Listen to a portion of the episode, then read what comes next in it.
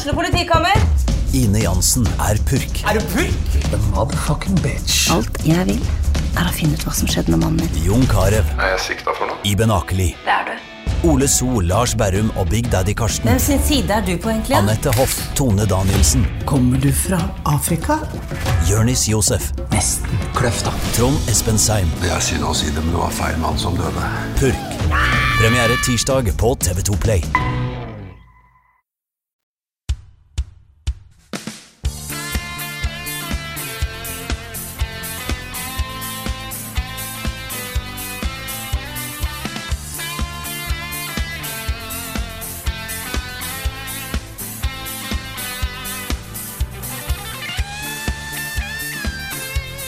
Er vi ferdig med sju dager med streaming, tolv timer hver dag? Ja, da er vi!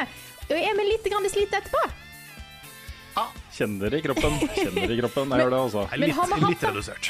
Har vi hatt det gøy? Ja. Det har vært helt enestående. Ja, det, det er var sånn, helt det var litt rart å våkne opp i dag som første dag da, etter en hel uke og bare Vi skal ikke streame i dag. Nei. Hva skal jeg gjøre med livet mitt nå? Jeg ser det er mange som kommenterte på Discord at det er et sånt der vakuum. Eh, rart er... at vi ikke skulle live i dag klokka tolv. Hvor er chatten? Hvorfor Ja. er det ikke 500 mennesker som snakker til oss når vi gjør ting? Det er kjemperart. Ja, det her markerte jo starten på det vi kaller Level Up 4.0, egentlig. Vi har presentert massevis av nye konsepter som vi gleder oss til å uh, videreutvikle og diskutere med Patreon-backerne våre uh, om litt. Uh, vi har streama massevis av spill. Mye av det var overraskende fett å spille, rett og slett. Eh, Det har vært kjempestemning, og vi har også gått kraftig opp da, i Patron-støtten. Så da var det jo en veldig vellykka uke, vil jeg si. Eh, Folk liker den nye logoen vår og den nye visuelle stilen, og alt er veldig bra, da. Og vi har nådd opptil opp til flere nye Patrion-mål. Nå blir det jo ny eh, ukentlig podkast. Eh, og gud, hva var, hva var det på, på 11? Nå står det stilt. De skal tvinge oss til å spille et eller annet på Twitch. skal, fra ja, start til ja, slutt. ja, ja, ja. Det blir spill til rulletekst på Twitch og greier. Det tar vi Det vi, vi sier fra når vi skal ha forslag og avstemning, eh, så don't worry. Mm. Det, kommer til å bli, det, det kommer til å skje via Patron. Mm. Så det er da Patron som bestemmer hva vi skal spille på stream fra start til slutt. Og Vi har det nådd en kommer til å ny legge fra verst, eh, fra verst til best. Eh, Patrion bestemt. da har vi nådd. Ikke minst. ikke Mhm. minst. Det er Kommer sant. også på Patron. Nesten, vi kom nesten til en sesong tre av duellen. En Nick-sesong av duellen. Det var ikke langt unna. Det var bare småpenger. Det var under 200 dollar til eh, målet med duellen sesong 3. Og vi la, jo det, vi la jo det målet ligge der litt til, bare for å se om, eh, om vi når det. Ja. Kan jo fortsatt hende. Jeg vil gjerne se sesongen, eh, sesong tre av duellen. Det, Yes. Det var eh, veldig morsomt å se på. For det, oss er jo, også. eh, det er jo astronomiske mengder jobb for Nick, men, men jeg vet at Nick er gira, så han har jo lyst til å ta på seg den jobben. Så lenge økonomien er der, så Mm. kan vi gjøre det. Jeg har bare lyst til å nevne en ting litt sånn kjapt før vi kommer i gang ordentlig med ukas episode. Og det er at i forrige episode så snakka vi litt om pressetikk og level up og hva vi har som regler og Vær varsom-plakaten og sånne ting. Og da kom jeg litt sånn til skade for å nevne eh, nerdelandslaget med navn som et eksempel på en ting ikke vi kan gjøre. Eh, og nå kan jeg fortsatt ta den diskusjonen om det er uh, innafor eller ikke, men jeg vil bare få sagt at Eh, For det første, veldig ufint av meg å velge noen, og nevne noen med navn. Jeg burde ikke ha gjort det. Det er, eh, det er litt sånn skittent. Det er ikke nødvendig å gjøre det, og jeg, det beklager jeg. Eh, Og for det andre, jeg har ingen grunn til å tvile på integriteten til nerdelandslaget. Eh, Så eh, det var ikke ment som noe kritikk, det var ikke ment som noe sånn herre nå skal jeg ta dem-type ting, eller noe start på noen ny beef eller noen ting. Det var eh, rett og slett eh, noe jeg bare nevnte fordi eh, det bare ramla inn i hodet mitt. Eh, og jeg ville nok uansett ikke ha sagt noe hvis jeg faktisk mente at eh, vi kan kritisere nærlandslaget for, eh, for etikken. Så, så det mener jeg ikke. Og så kan vi ta diskusjonen en annen gang, da, kanskje på, på det hvis de vil. men, eh, men det var ufint av meg, og jeg beklager. Microsoft har kjøpt alle spillselskapene i Japan. Mario har blitt pensjonist. Half-Life 5! Hideo Kojima starter spillstudio i Bodø. Skyrim er nå tilgjengelig på Mars. Miyamoto har lagd en kano. EU forbyr teabagging i spill. Ukens hotteste. Det hender at noen uker så spør jeg du, hva er det som er ukens hotteste i denne uka. Denne uka her er ikke det et spørsmål. Det er Shadow of the Earth Tree. Det er Shadow of the Earth Tree, ass. Ja, det kom både dato og første gameplay-trailer, faktisk. Eh, Første trailer eh, i det hele tatt. Mm. Mens vi streama. Ja, Mens vi streama, det var helt, helt insane også. Det er um, Ja. Jeg vil også komme med en liten eh, hilsen da, til eh, alle som eh, Jeg vet det er veldig gøy også å sende oss meldinger om har du sett den nye eh, Shadow of the Earth-traileren, men med mindre du sender den ett sekund etter at den er ute, så er det for sent også. Da har vi fått den med oss. Da har vi sett den. Da har vi sett den. Da har vi sett den. Men jeg, jeg setter pris på at folk øh, har our back, da. Ja, ja, er sånn ja. her, Ja. Tenk om ikke de har sett den. Ikke sant. Det er sant, det også. Men uh, det, dette er jo så stort for oss. Det er jo ikke noe tvil om at vi er en FromSoft uh, um, Hva skal vi si, vi er glad i Fromsoft i den redaksjonen her. Uh, og um, dette er jo det spillet jeg gleder meg mest til i år. Mm. Det er det også, selv om det er en expansion. Vi uh, fikk jo da som sagt en dato. Det er jo da 21. juni. Vi har jo spekulert i at det skulle komme tidligere, men det er greit for meg, det. Fire det? måneder til? Det, er jo, det fyller, fyller tomrommet til E3, ikke sant? Nå er jo E3 dødt. Så kan vi kose oss med Shadow of the Earth Tree isteden. Ja, Ja, det er helt sant. Og det er fortsatt vel rundt- etter eh, at du har hatt de fleste sånn eh, Summer Jeff Fest og sånt. Mm. Eh, Mm. Så det, vi har tid til det, og så DLC. Så er det omtrent eh, rundt starten av skoleferien, da. Så um, får jeg bare prøve å si til kone og barn at vet du hva, sommeren 2024 så skal jeg tilbake til The Lands Between også. Mm. Så um, Jeg er veldig takknemlig til søstera mi, som gifter seg før det kommer. Ah, Det det var smart av henne. Det var, Mm, takk, det det var var bra at hun kunne ta hensyn der, da. Veldig bra. mm. Vi får uh, ta litt uh, sånn fakta rundt uh, spillet som vi nå har blitt kjent med, da. før vi eventuelt snakker litt om hva vi, hva vi syns om traileren og sånne ting. Um, historien her vil jo da som venta um, eh, dreie seg om at du skal følge i fotsporene til Miquella, som er broren til Malenia. Eh, akkurat hvilken funksjon Miquella vil ha i historien vet vi ikke helt ennå, men eh, det er en, en person som er til stede. Og for de Eh, som ikke har sett alle vi- videoene til Vati, da forstår jeg, eller Sully the Witch, det er lov dag, eh, så er det sannsynlig Jeg vet egentlig jeg vet ikke hvor bekreftet det er. For noen spurte hvem er det det der er greia, du så jo den der runde ballen og armen som hang ut. Da er Mikkala. Ja. Ja. Det er korrekt. Yes. Um, Miyazaki sier i intervjuer at det er den største utvidelsen FromSoft har laget til nå, Oi. i areal og scope og størrelse og alt dette her. Uh, det blir også sagt at uh, området du skal til nå, da, er uh, større enn Limgrave. Ja. Større enn Limgrave. Og det har legacy dungeons og vanlige dungeons og tunneler og bosser og sånne ting. Fy fader. Ja. det er også sagt, eh, han har også sagt at de ønsker å på en måte knytte de åpne miljøene litt tettere sammen med på en måte de mer regisserte um, områdene, som er også Stormhill Castle f.eks. At det henger litt tettere sammen, eh, uten at jeg helt vet hva det betyr ennå. Men eh, når du har litt mindre skala, da, når ikke det er hele kartet til Elden Ring, så kan man jo gå inn på kartet og, og, og håndjustere ting litt mer, ikke sant. Um, det er ikke skrevet noe nytt innhold til denne her fra George R.R. Martin. Uh, det de isteden har gjort, er å ta deler av det han skrev originalt eh, om bakgrunnshistorien til Elden Ring, eh, og brukt det som et utgangspunkt for eh, historien her. Mm. Ja, det, de, det Miyazaki sa i et av intervjuene jeg leste, var at eh, for Elden Ring så brukte de bare en liten bit av det han hadde skrevet av, uh, av bakgrunnslaw, og at de Mm. nå fokuserer på en annen bit. Det er akkurat det. Så jeg det er liksom spent på hvor, hvor mye har faktisk George R. R. Martin skrevet, og hvor mye kan de bygge videre på her. Mm. Ja, nei, jeg, vet ikke, men uh, jeg, hadde ikke noe å utsette på, på de hintene av historie vi fikk her, i hvert fall, i traileren. Uh, det blir sagt at det er over ti nye bosskamper, og da, da regner jeg med at det er snakk om ti unike bosser, og ikke bare én boss som er gjentatt ti ganger. Mhm. Vi tipper da. Uh, åtte nye våpenkategorier, og vi fikk jo se f.eks. en sånn rapid fire uh, armbrøst. Mhm. Eh, vi fikk se en sånn martial arts-lignende, kanskje en weapon art, da. Eh, men eh, at du kan ha litt sånn nærkamp-bild, på en måte. Eh, det så dritfett ut, med skikkelig kung fu-greier. Du kunne hive noen potter og greier. Hive potter og greier, svære eksplosjoner. Mm. Um, og så beskrives det da, dette her kan jo bli litt sånn eh, um, eh, Folk kan dele seg inn i flere leire, men innholdet du møter beskrives som endgame-innhold.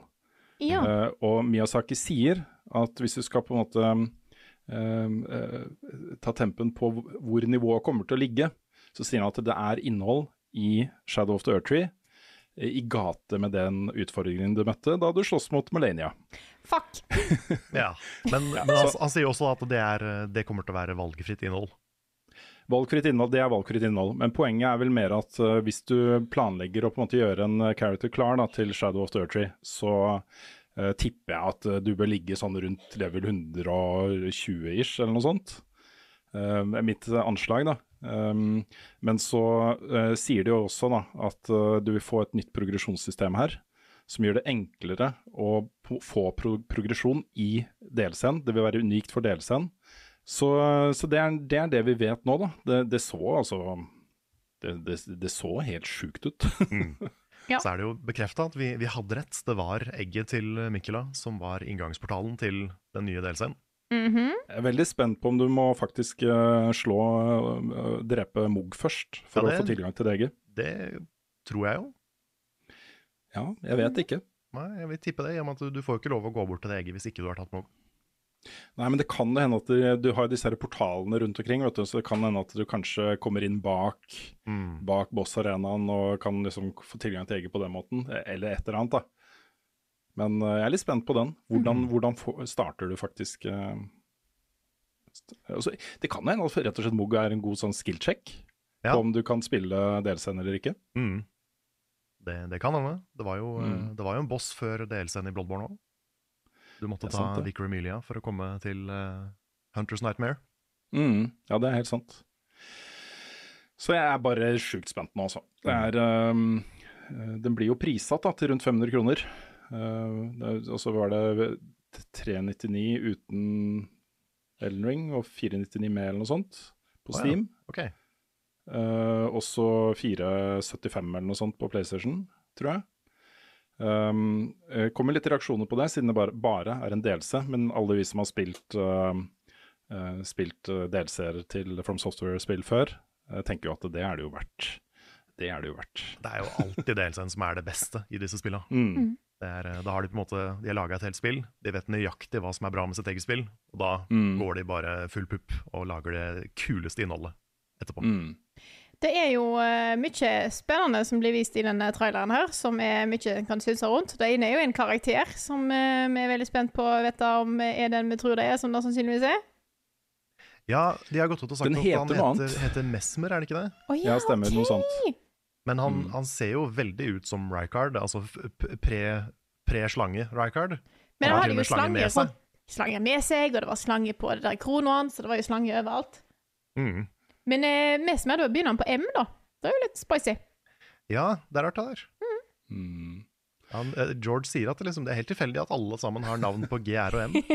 Men du har jo familielines og sånt. Det var mer av det jeg tenkte på. Mm. sant? Mikkel og Melania, og så har du mest mer. Kanskje det er noe lignende i, i, sånn, i dag tre, og ikke mm. Rycard som er på R. Det er det jeg tenker på. Mm. Ja, sånn, ja. Jeg tror i hvert fall den characteren, da, det er på en måte det som er uh, gallionsfiguren for den delscenen her. Uh, hvis du skal kjøpe den der Ultra Special Collectors Edition-tingen, som ikke er spill engang, det er bare hjelmen til uh, den rollefiguren. Uh, I sånn én-til-én-format som du kan ha på hylla di. Mm -hmm. det er også den du kan få en statue av på den litt mindre Collectors Edition og sånne ting. dette er på en måte denne utgivelsens Malenia, da. Ja. som det, jeg tipper når man snakker om det. det er utfordringer i gata med Malenia, så tipper jeg det, det blir den fighten. Da. Det er den fightens fighten mm, kanskje særlig. Be. Mm. Could be. Så eh, nei, jeg er bare sjukt spent og gleder meg masse. Jeg har også lyst til å nevne at um, Eurogamer spurte jo Miyazaki om uh, Bloodborne remake, eller Bloodborne 2. Mm. Yes. Uh, og det han sier er jo at uh, først og fremst så, så er han in veldig, veldig happy og glad og rørt over at fansen elsker det spillet så mye og snakker så mye om det og fortsatt snakker om det og sånne ting. Fordi han sier det speiler hans egen og teamets egen, egne følelser rundt akkurat det spillet.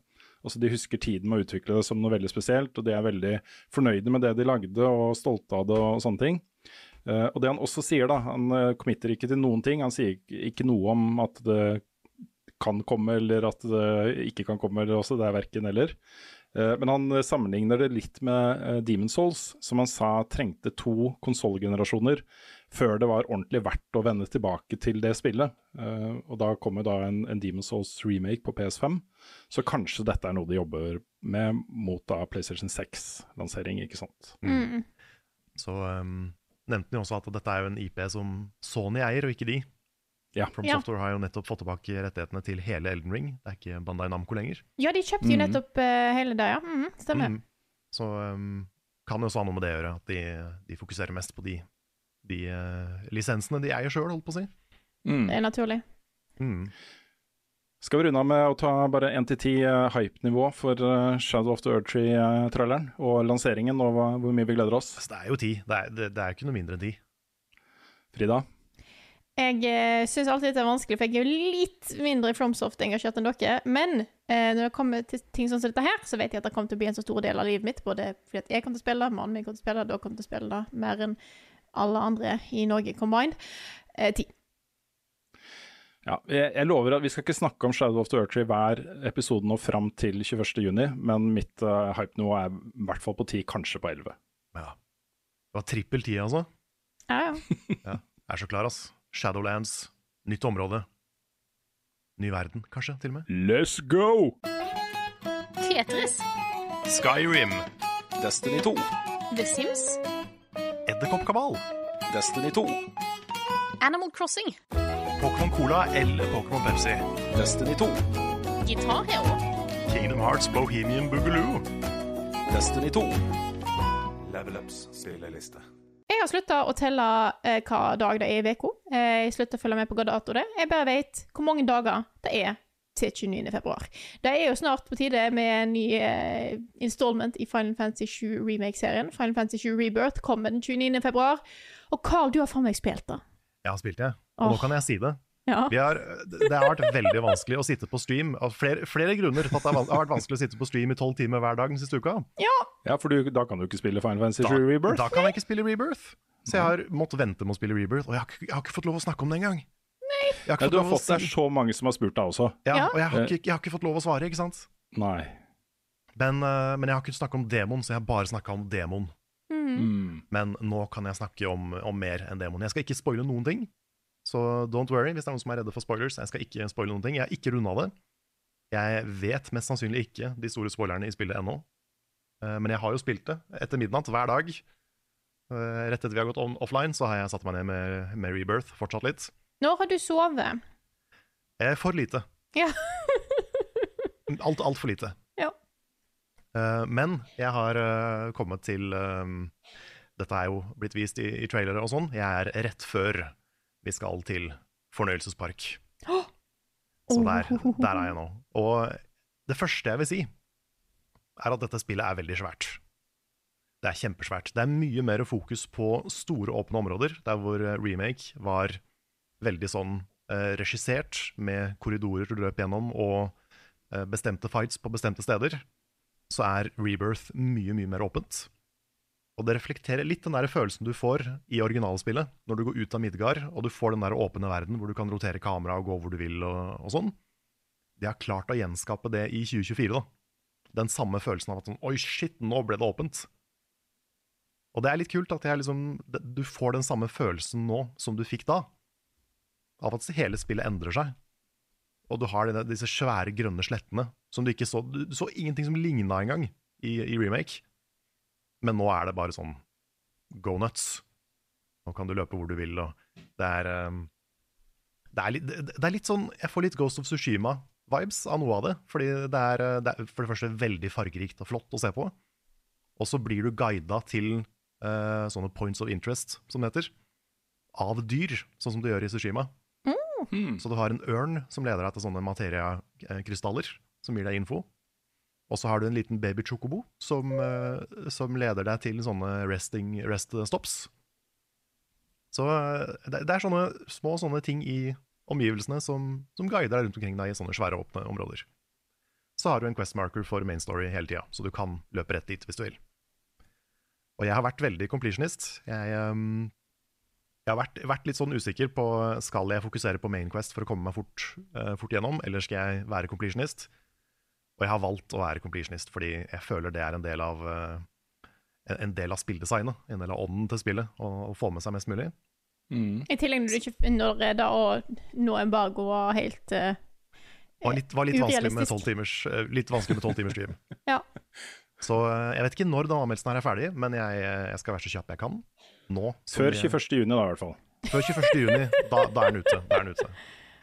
Nei, men release er 29. Jeg tror ikke jeg rekker det, men jeg skal prøve. Jeg skal prøve å rekke Oi. um, I hvert fall kort tid etter release skal anmeldelsen okay. min være, være ute, tenker jeg. Det er målet mitt. Det. Mm. Men, um, men ja, det er um, Det bygger jo videre på, på remake, det spillet her. Samme kampsystemet, men skrudd ekstra til. Du har ehm, Jeg syns det flyter bedre, selv om jeg elsker remake-kampsystemet. Syns jeg det er enda bedre her. Og du har, i tillegg til alle de tinga du hadde i det første, så har du uh, nye abilities, du har masse nytt materia som ikke var i originale 7 eller remake. Som uh, er sånn her Oi, hva gjør den, og hva gjør den, og den har jeg ikke sett før. Og så får jeg hele tida sånne nye Sånn, å ja, det kan jeg bruke på den måten, og det kan jeg bruke på den måten. Og så uh, har du i tillegg combo attacks, eller, eller syn synchronize abilities, eller hva de kaller det. Og de er ganske kule. Mhm. For det er litt sånn som uh, alle som har spilt Krono Trigger, husker jo de der, de der um, Hva heter de? Husker ikke hva det heter i farta, men de uh, hvor, du, hvor to karakterer teamer opp for å gjøre et kult angrep. Alle karakterene i spillet har sånne. Ah. Så eh, du kan liksom Tifa kan balansere på sverdet til Cloud og bare hoppe og ta et sånn superkick, ikke sant? Og Cloud kan reflektere kulene til Barrett, og det er masse sånne kule ting. Og det er veldig anime, og det er veldig kult. Ja. Og eh, det, det er veldig nyttig i fights. Så um, det er gøy. Du har jo masse flere spillbare characters. Jeg synes det er veldig gøy å spille som Red. Han har et eh, stilig moveset. Og jeg har, eh, har også nettopp fått Yufi med på laget, som Ja. var i, var i DLC-en. Og hun også er kjempekul å være. Hun eh, har et, eh, et kult kampsystem. Og det er litt sånn derre det, er litt sånn fighting-spillaktig. Du må på en måte lære deg hver character når du, når du får dem. Og de har litt forskjellig gameplay, alle sammen. Så eh, det, det blir ganske mye dybde i, i combaten. Og du velger jo, du har tre, maks tre personer på laget, så du må jo bytte mellom de, og ganske mange forskjellige å velge. Og noen ganger så bestemmer spillet hvem du har på laget, andre ganger så kan du velge sjøl. Men, eh, men det er bra. Jeg synes dette er fortsatt det beste kampsystemet Final Fantasy har hatt for meg. Og det har vært ganske mange forskjellige kampsystemer, så det er, eh, det er store ord. Men um, jeg er jo fortsatt kjempespent på hva de kommer til å gjøre med historien. Jeg opplever så langt at den er relativt trofast, men det er, det er shenanigans i bakgrunnen. Og jeg vet ikke hva de shenanigansene betyr ennå. Men, eh, men jeg er veldig Litt sånn skrekkblanda fryd over å finne ut hva det er det dreier seg om. Mm. Det er noen scener av og til som er sånn hva, hva betyr det? Dette kan jeg ikke huske, dette kjenner jeg ikke igjen. Hvor vil de med dette her? Så øh, jeg, jeg sitter jo bare og rister etter å spille mer. Det, det sier jo sitt når jeg etter tolv timer med stream setter meg ned for å spille mer. Ja. Så det, mm, dette er veldig spennende. Det er veldig bra så langt. Jeg digger det. Det, er, det har litt den samme greia som, um, som remake hadde, hvor jeg til tider blir litt utålmodig. Fordi ting tar jo mye lengre tid enn det gjorde i originalspillet. Um, og sånn er det litt fortsatt. Det er sånn Jeg ser at jeg får åtte nye sidequests, og så er det sånn Jeg vil jo egentlig bare fortsette på main storyen, men jeg vil ikke misse sidegreiene. Så da blir det litt sånn her, ok, jeg får gjøre det da, men jeg vil jo egentlig bare videre. Jeg er litt utålmodig. Så det, det er litt vanskelig. Til tider. Men, ehm, men det er jo også fordi jeg velger å være completionist på det. Mm. Så ehm, den balansen mellom sideinnhold og hovedhistorie er litt Den, den sliter jeg litt med noen ganger. Jeg syns det ehm, Det dras ut kanskje hakket for mye på et par ting. Er litt bloated. Litt bloated. Ja. Og det, vi, vi tulla litt med det når Nick spilte demoen på stream, men den der, den der um, Støvsugeren. Mako-støvsugeren Ja. Så det er sånn de putter inn, putter inn i, i demoen for å vise hvor kult spillet er. Og så er det to segmenter hvor du skal, liksom, du skal tørke opp litt Mako fra gulvet med en støvsuger. Som er utrolig tung og treg. Ja, det går ikke fort. Går ikke fort så det, ja, hvorfor valgte de å gjøre det? Det vet jeg ikke. Men det, akkurat det er mest morsomt, da, syns jeg. Men uh, det er noen sånne, sånne ting innimellom. Men så er det samtidig masse minigames, og det er masse sånne kule modes og ting jeg ikke forventa å se. Det er litt sånn derre Litt sånn som jeg får inntrykk av at uh, Yakuza-spillet er. At du har sånn en dramatisk historie, men så plutselig så er det kart racing, og plutselig så skal du det og det, og så plutselig så er det en sånn der crazy anime-sekvens som ikke du forventa å se. Det er litt sånn at du får hele tida sånne der nye crazy minigames og, og ting som skjer. Da. Så det føles som en sånn derre ut på eventyr-party-greie, som er veldig Veldig jarring etter å ha kommet rett fra Final Fantasy 16. For det virker jo ikke så Det er to vidt forskjellige spill. De kunne ikke vært mer forskjellige. Det er sikkert forskjellige team, vet du. Mm, ja, det er det. det, er det. Ja. Så det er, eh, det er veldig rart at de er i samme serie, men eh, dette er jo en, eh, en helt annen stemning enn det er i, i 16. Men, men jeg liker det. Jeg liker det kjempegodt så langt, så jeg, jeg gleder meg til å fortsette. Vil noen ta over, eller skal jeg ta flere av de jeg har spilt? Du kan godt fortsette. Ja, ja. Ja, jeg kommer tilbake til uh, Rebirth seinere, når jeg har spilt lenger. Men, um, men jeg, jeg venter med å snakke for mye om story og sånn. Så har jeg lyst til å snakke, med, snakke om storyen med, med flere, når flere har fått spilt det. Ja. Hmm. Men jeg kan, eh, jeg kan fortsette med å si at eh, på streamen så spilte vi masse forskjellig. Jeg spilte gjennom Before Your Eyes. Ja, Nick sin anbefaling. Nick sin anbefaling og Nick sitt eh, Game of the Year i forrige fjor, tror jeg. Da kan stemme. sånt. Mhm. Og det, det var veldig bra. Det var en Mm. uh, emosjonell eh, berg-og-dal-bane. For de som ikke kjenner til det, så er dette spillet der du gjør ting med å blinke fysisk. Ja, så jeg kobla på to webkameraer for å kunne ha ett på streamen og ett uh, på sida.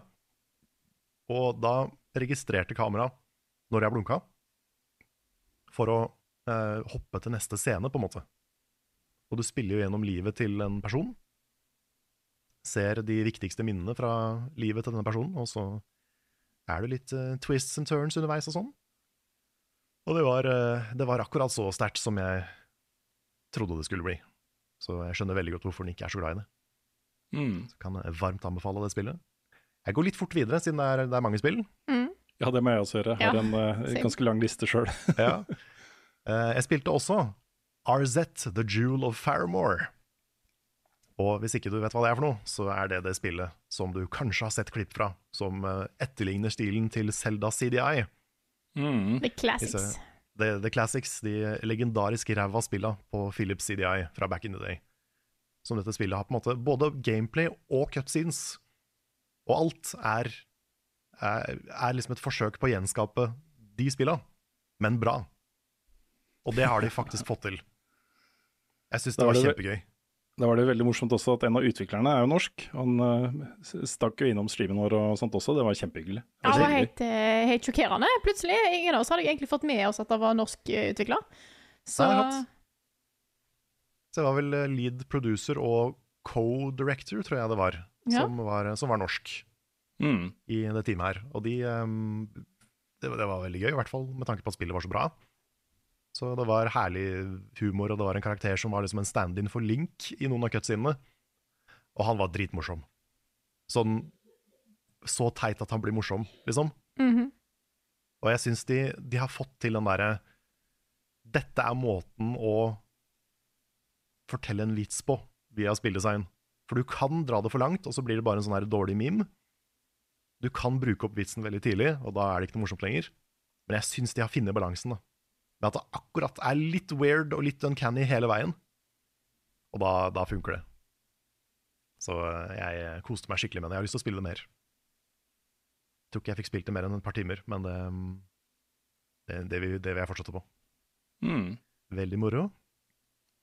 Og så skal vi se, nå skal jeg bare se over lista mi over hva jeg har spilt. Hva jeg faktisk har spilt denne uka her.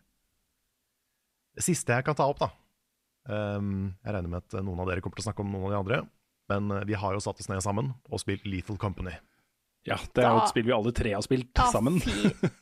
Det var så festlig, da. Jeg fikk Ja, ikke med det- meg første runden dere hadde, men jeg har sett the memes. Uh, og det var utrolig gøy å få være med sjøl òg på siste runde. Nå er jeg litt ganske lei meg også for at ikke vi fikk spilt det i fjor. Også det kom jo ut midt mens vi var i, i oppkjøringa til uh, kontroll Z uh, og ferdiggjøring og sånt. Ja, det er så lenge siden, ja. Ja, det er, jeg mener å huske det, men uansett, jeg husker at jeg drev og maste på dere for at vi burde, vi burde spille sammen. For jeg hadde sett Mm. masse kule klipp av det, og det så veldig gøy ut. Um, jeg tror, jeg tror, hvis jeg hadde spilt i fjor, eller hvis vi hadde spilt i fjor sammen, så hadde det vært uh, høyt, høyt, høyt oppe på topplista mi for, for i fjor også. For en latterlig morsom, eh, herlig, nydelig, kul opplevelse. Altså. Det er så mange ting som kan dukke opp og skape festlige situasjoner. Ja det, er, det. det er helt sånn briljant partyspilldesign, på en måte.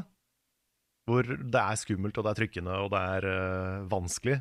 Men på en sånn måte som gjør det gøy å spille med venner. Og det føles veldig sånn finregissert for å oppnå nøyaktig det. Mm. Det at du har alle de der lyd, lydfilterne og lydeffektene underveis. På at hvis du dør mens du snakker med noen i walkietalkie, så kommer den der eh, høye lyden, og så bare static fra walkietalkien, f.eks. Mm. Ja. Alle de tingene som du har sett på film, de skjer, liksom. Ja, det er proximity-chatten som, eh, som gjør mye av humoren her. Altså. Mm. At du kan bare snakke med hverandre når dere er i nærheten av hverandre, eller via walkietalkie. da. Det er sånn, Hvis det plutselig blir stille fra noe, så bare vet, da vet du, da er de daue, da. da Da er sitter de i sin egen lille lobby og venter på at resten skal dø, ikke sant? Og når, vi, når hele gjengen ramla i vannet og prøvde å rope til hverandre, så hørte du bare sånn blubbelyder, ikke sant? ja. Det er, det er dritbra. Ja. Dette er, dette er også en så god idé, så eh, utrolig godt gjennomført. Også det er en sånn slapstick-generator som bare produserer gøy Mm. på løpende bånd. Eh, I tillegg til at det er et, et gjennomtenkt og bra spill. Også du skal jo reise rundt på forskjellige måneder og finne gjenstander som du kan selge til eh, The Company. Um, og så får du gradvis liksom større og større krav da, til inntjening. Um, mm. og må være ute lenger og gå til litt farligere, farligere planeter og sånne ting.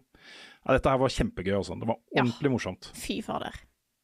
Det som òg er fint med at uh, Little Combat var så eh, Little Combat, Little Company Little Yes. Company uh, var så festlig, er det at det har gitt oss mange kule, kule klipp.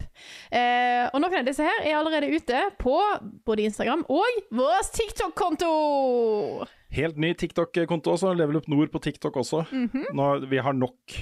Bare fra de der to Lethal Company-streamene vi hadde, så tror jeg vi kan fòre den et år ja. med kule klipp. Little Company-TikTok, TikTok, ja. Nei da, da blir Ja. det forskjellig. Det blir litt, eh, det er litt gamle klipp der, noe classics, uh, og litt nyere ting kommer i dag, da. Så følg med der. Mm. Mitt uh, favorittklipp fra Little Company, det, det var den forrige streamen.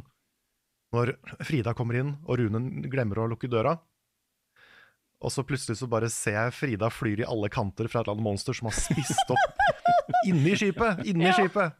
Yes. Det, åh, det er noe, noe av det sjukeste jeg har sett i et spill noen gang.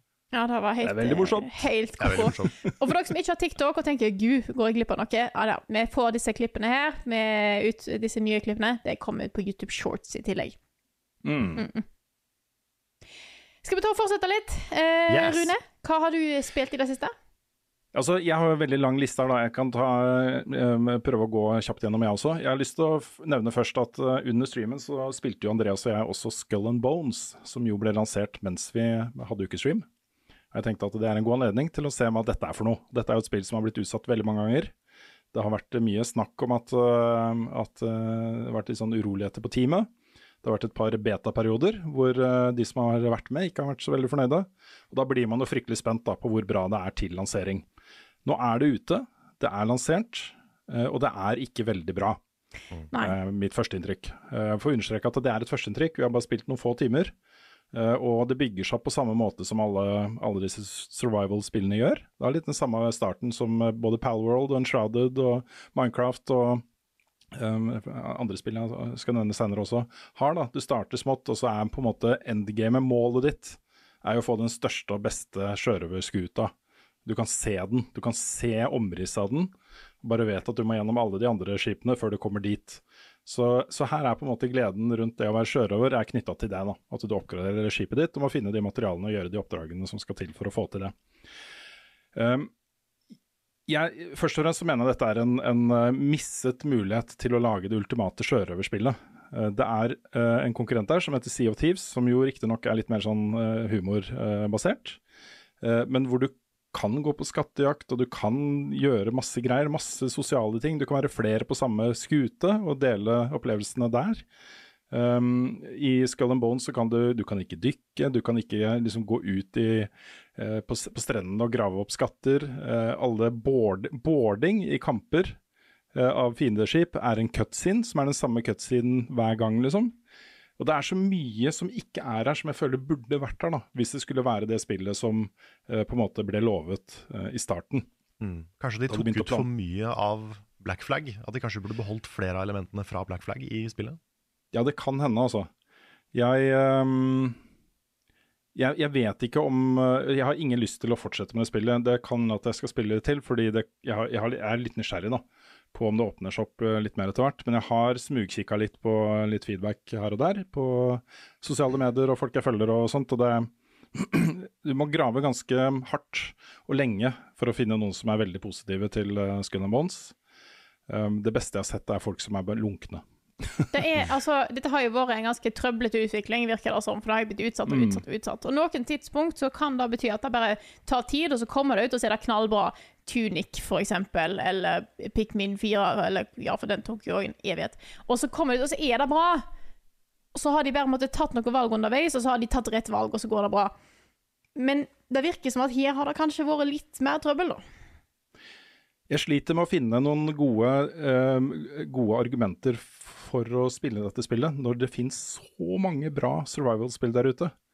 Og så mange bra eh, Games as a Service-spill også. um, hvor, eh, hvor man har det gøy, og det er bedre co-op, og det er bedre samarbeidsmuligheter, og det er flere muligheter til å bygge baser og uh, gjøre spillet til ditt eget.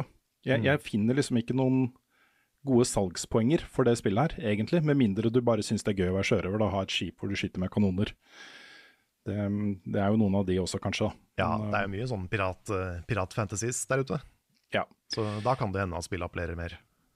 Jeg kommer litt tilbake til Skull and Bones i nyhetsspalten også, fordi det er et par eh, momenter der. Men jeg, før jeg går videre til neste spill, så har jeg også bare lyst til å si at eh, lanseringen her var farlig nærme en svindel, altså. Hvor de i oppkjøringa fram til lansering eh, på PlayStation 5 kosta altså Skull and Bones Standard Edition 940 kroner eller noe sånt. Eh, etter at jeg hadde kjøpt det, så oppdaget jeg at på PC så var det åtte timers gratis prøveperiode. Um, og etter det igjen så introduserte de det samme på PlayStation 5.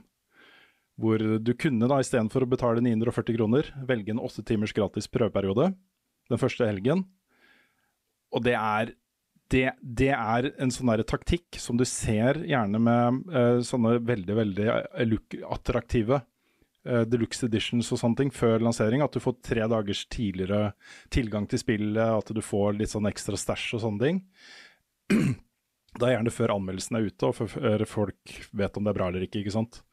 Og det, jeg, jeg føler meg svindla fra 1000 kroner. Nesten 1000 kroner. Og det er ikke en god følelse, altså. Det, Mye penger. eh, nei, det her kan fort bli sånn der class action lawsuit i USA, tenker jeg nå. Hvis Men- folk samler seg og bare Men det er fordi den prøveperioden kom etter at folk allerede hadde kjøpt det. ja, Ja. Den var ikke tilgjengelig, det var ingen informasjon om at den skulle komme da jeg brukte mine 940 kroner på å kjøpe dette spillet. Så, og det er ikke greit. Det er ikke det. Nei.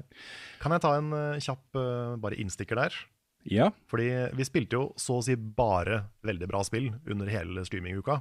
Oh yes. Men det var jo to unntak, kanskje. Det ene var jo da Skull and Bones. Og det andre var Silent Hill The Short Message. Ja, det er sant.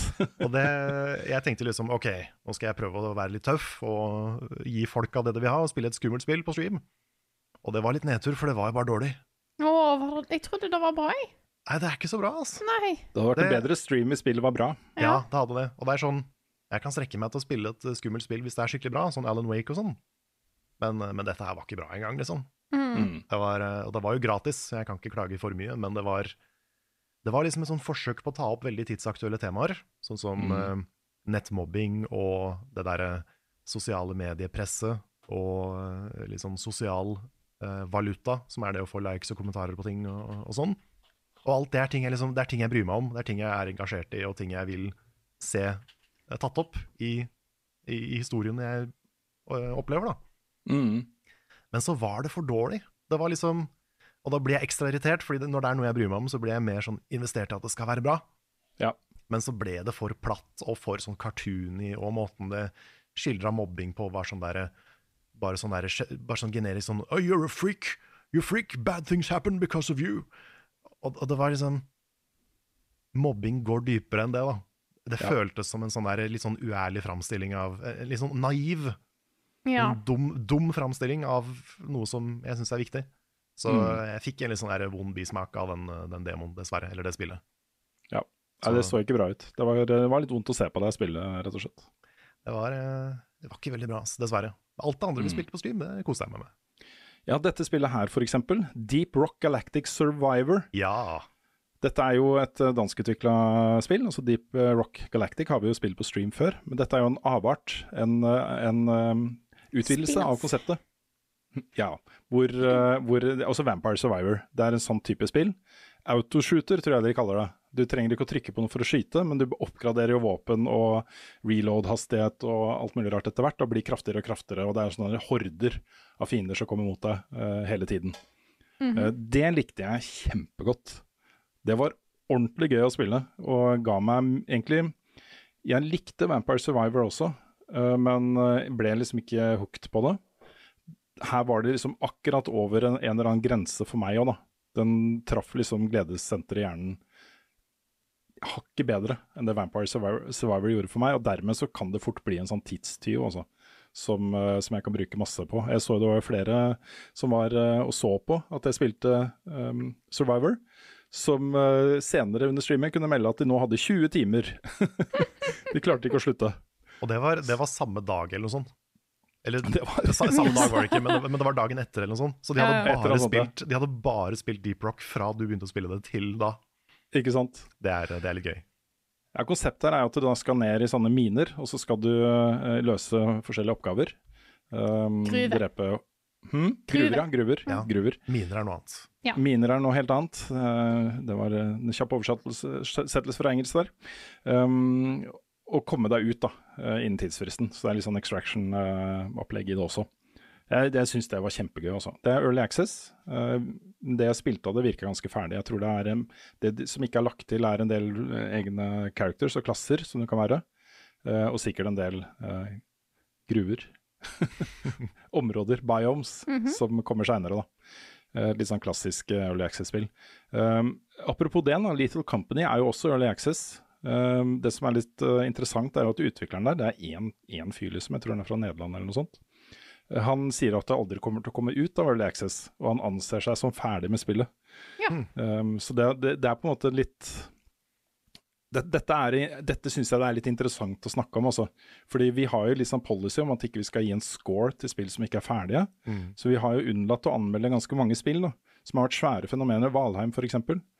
Fortsatt ikke ute av Early Access. Det er massevis av de spillene som bare fortsetter å være i Early Access, og som aldri egentlig kommer i gang med en 1.0-lansering.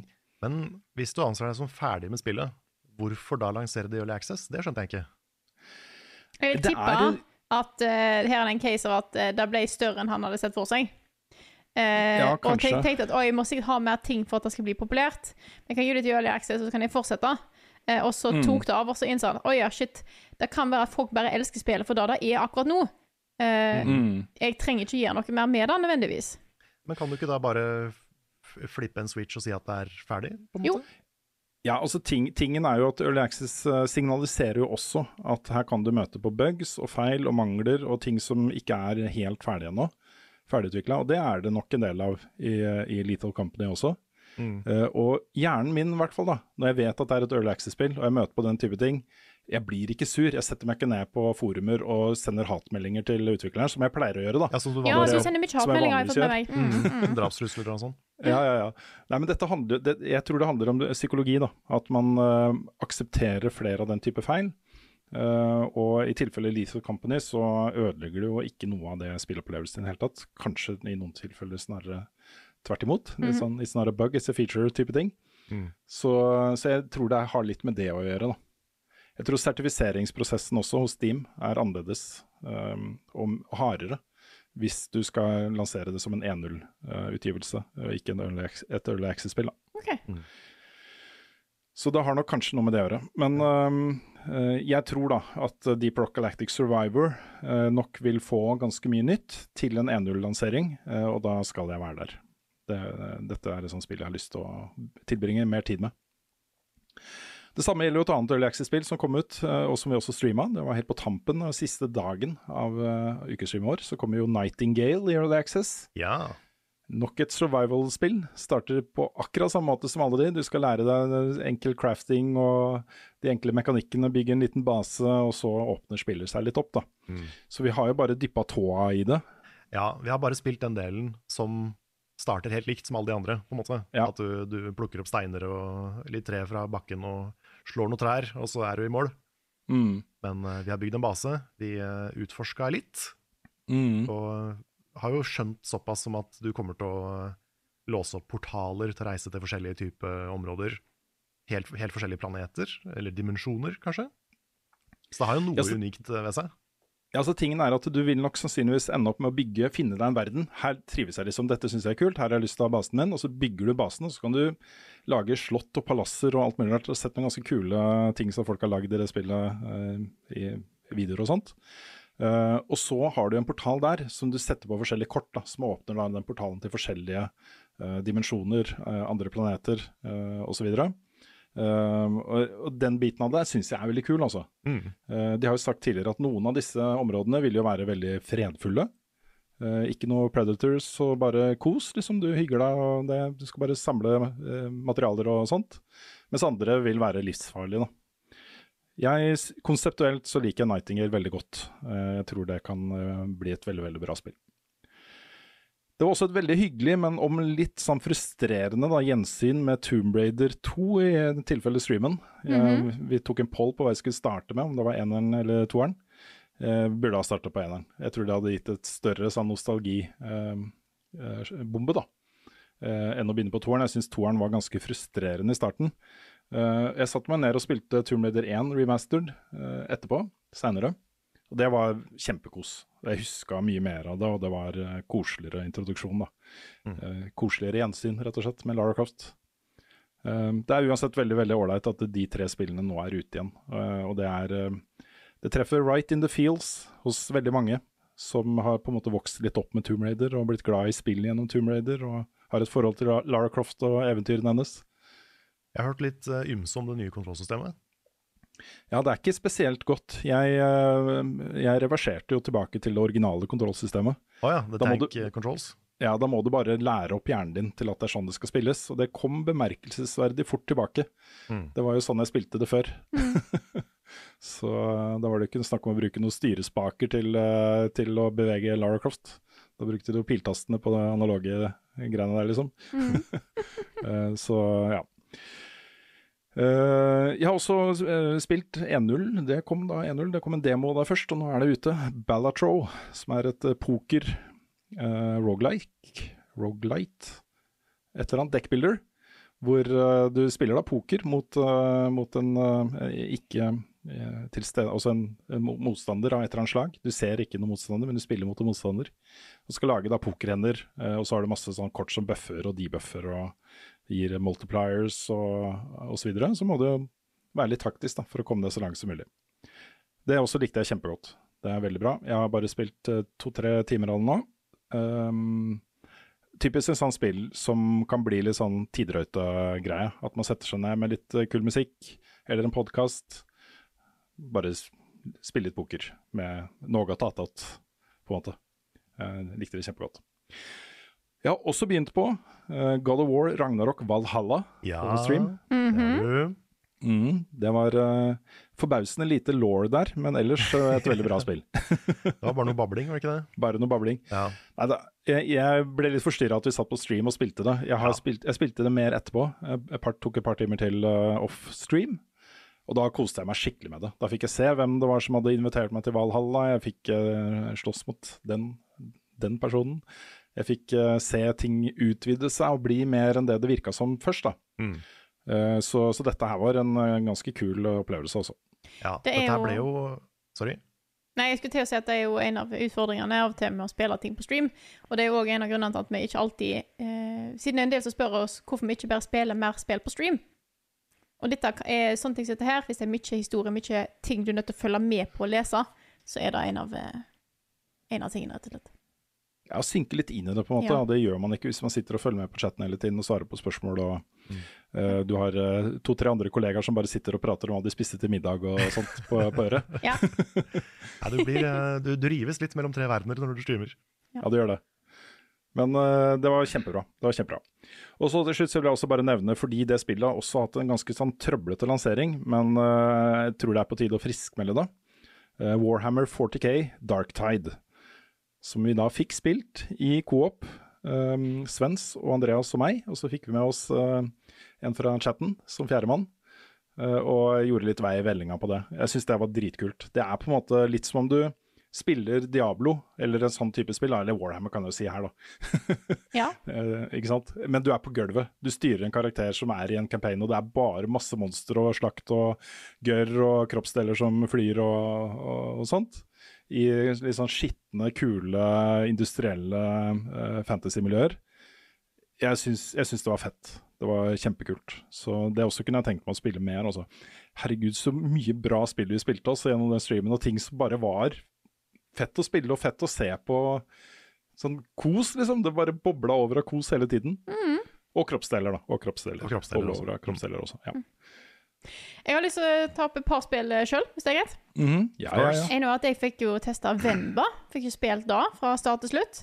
Eh, og da har jo du snakka om før, Rune, dette spillet der du eh, spiller som eh, indiske immigranter til Canada. Eh, og får sett på deres eh, utfordringer med å beholde på kultur og videreføre kulturen sin til, til eh, unger som har lyst til å passe inn. Eh, og da blir det en utrolig sterk opplevelse, ikke bare fordi at spillet er veldig bra i seg sjøl, men eh, da vil jeg si var absolutt et spill som var bra å spille på stream. Ja. Fordi vi fikk så mye input fra folk som har vært gjennom lignende situasjoner, både i chatten eh, og eh, vår egen Tanja, som fortalte mye om hvordan det har vært for henne eh, å, vokse opp med ei mor fra Thailand. Mm. Eh, og det var så eh, jeg, Altså, noen av historiene her er jo trist. Det er jo ikke så lett for alle å, å, eh, å bli dratt mellom to verdener på den måten. Men det var utrolig sterkt og veldig fint eh, å, å ta en del i denne i settingen med så mange. Mm. Så det var egentlig veldig, veldig eh, Det ble en veldig fin stream. Mm. Ja, altså det, det, den derre med, med det å rives mellom to verdener, og kanskje først og fremst, frem, først og fremst det å på en måte bli eldre og eh, kanskje innse at man har dratt det for langt, eller at man, uh, man begynner å få litt sånn dårlig samvittighet kanskje fordi man ikke har vært mer imøtekommende for foreldrenes uh, kultur og hva de syns er viktig og sånt. At man har opp, vært med på å bygge opp en vegg, da. Så man da blir interessert i å bygge ned igjen og møte hverandre et sted på midten, da. Jeg tror det er mange som kjenner igjen. F.eks. mine barn, liksom. De begynner nå endelig da å akseptere pølse i vaffel. Det har uh, tatt litt lang tid, men Ja. eh, Det er, det er Ja, jeg skjønner at det er tungt. Mm, ja, det er tungt. Beklager at jeg tulla litt med det. også. Nei, det fint. det er seriøse, seriøse temaer. Men Ja, ja, ja. Det går helt fint. Det var, et forfriskende tilskudd der. Ja. Men jeg ble, jeg ble skikkelig imponert. Jeg hadde jo ikke spilt Venba uh, da jeg så du spilte, Frida. Mm. Jeg ble skikkelig imponert over hvor mye det spillet klarte å gjøre med ganske lite. Ja. Mm. For det var, det var bare noen få matretter, og det var bare noen få cutscenes. Liksom. Det var ikke et langt spill, eller det var ikke mye dialog, det var ikke noe sånt. Men måten de klarte å liksom instantly få deg til å skjønne perspektivet til alle karakterene på en gang, Ja. mm. det var, det var skikkelig imponerende. Og det er, det er bare Goofy Movie som gjør det like bra. det, er, det, er, det er Venba og Goofy Movie, altså. Ja, ja. Mm. Men, um, men for meg også så var det sånn Det å sitte og se på deg spille det med input fra chatten og fra Tanja, da, Mm. Det var den beste måten å det å, få med seg det spillet på for meg. Det, jeg, jeg, satt, det, var- jeg var nærmere til å begynne å grine mens du spilte Venba enn da jeg spilte Before You Rise, faktisk, på Ja. grunn av hele den der greia rundt um, spillet. da. Jeg synes det var kjempe, Mm. det var kjempeålreit. Angående grining så vil jeg bare ha- ta med et highlight til, fordi at eh, vi grein jo eh, under Jeg grein under Before Your Eyes. Eh, og alle grein under Jackbox Party Pack Ja. som siste avslutning på streamen, for da var jo bare galskap. Da var jo eh, jeg og Svendsen knakk fullstendig på et tidspunkt. Ja, jeg også satt og grein i ja. 20 minutter, tror jeg. Ja, det var jo helt eh, En ting er at jeg var overtrøtt de luxe, men jeg var altså så sliten etterpå.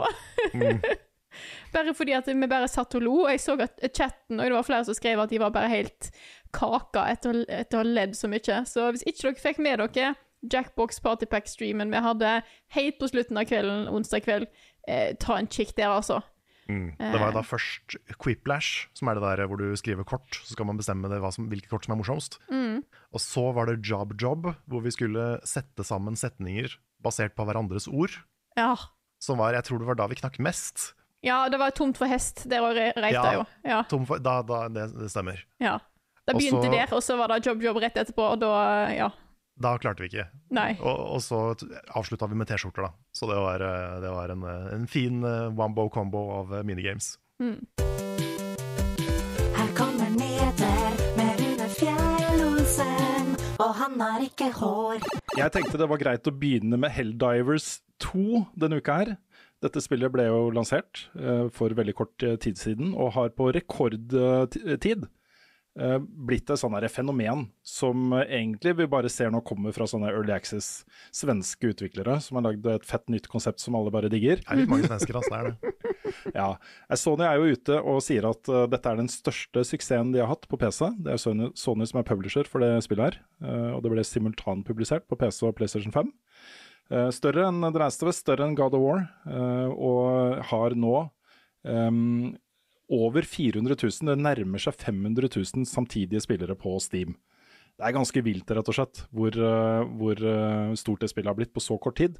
Uh, vår egen Andreas har anmeldt dette spillet med en, en kongelig, uh, nydelig anmeldelse. Vi For å snakke på dialekt. Jeg håper ingen ble fornærma over det, men det, er- det er i hvert fall uh, veldig beskrivende for spillet. Ja, det, er, det er jo hans den- egen Ja. ti tidligere dialekt. Ja. Ok, ja, da er det, da er det innafor. Yes. Da kan han ikke bli tatt for noe kulturell appro appropriasjon eller noe sånt. Nei, no way, Joseph. Ja, ikke sant.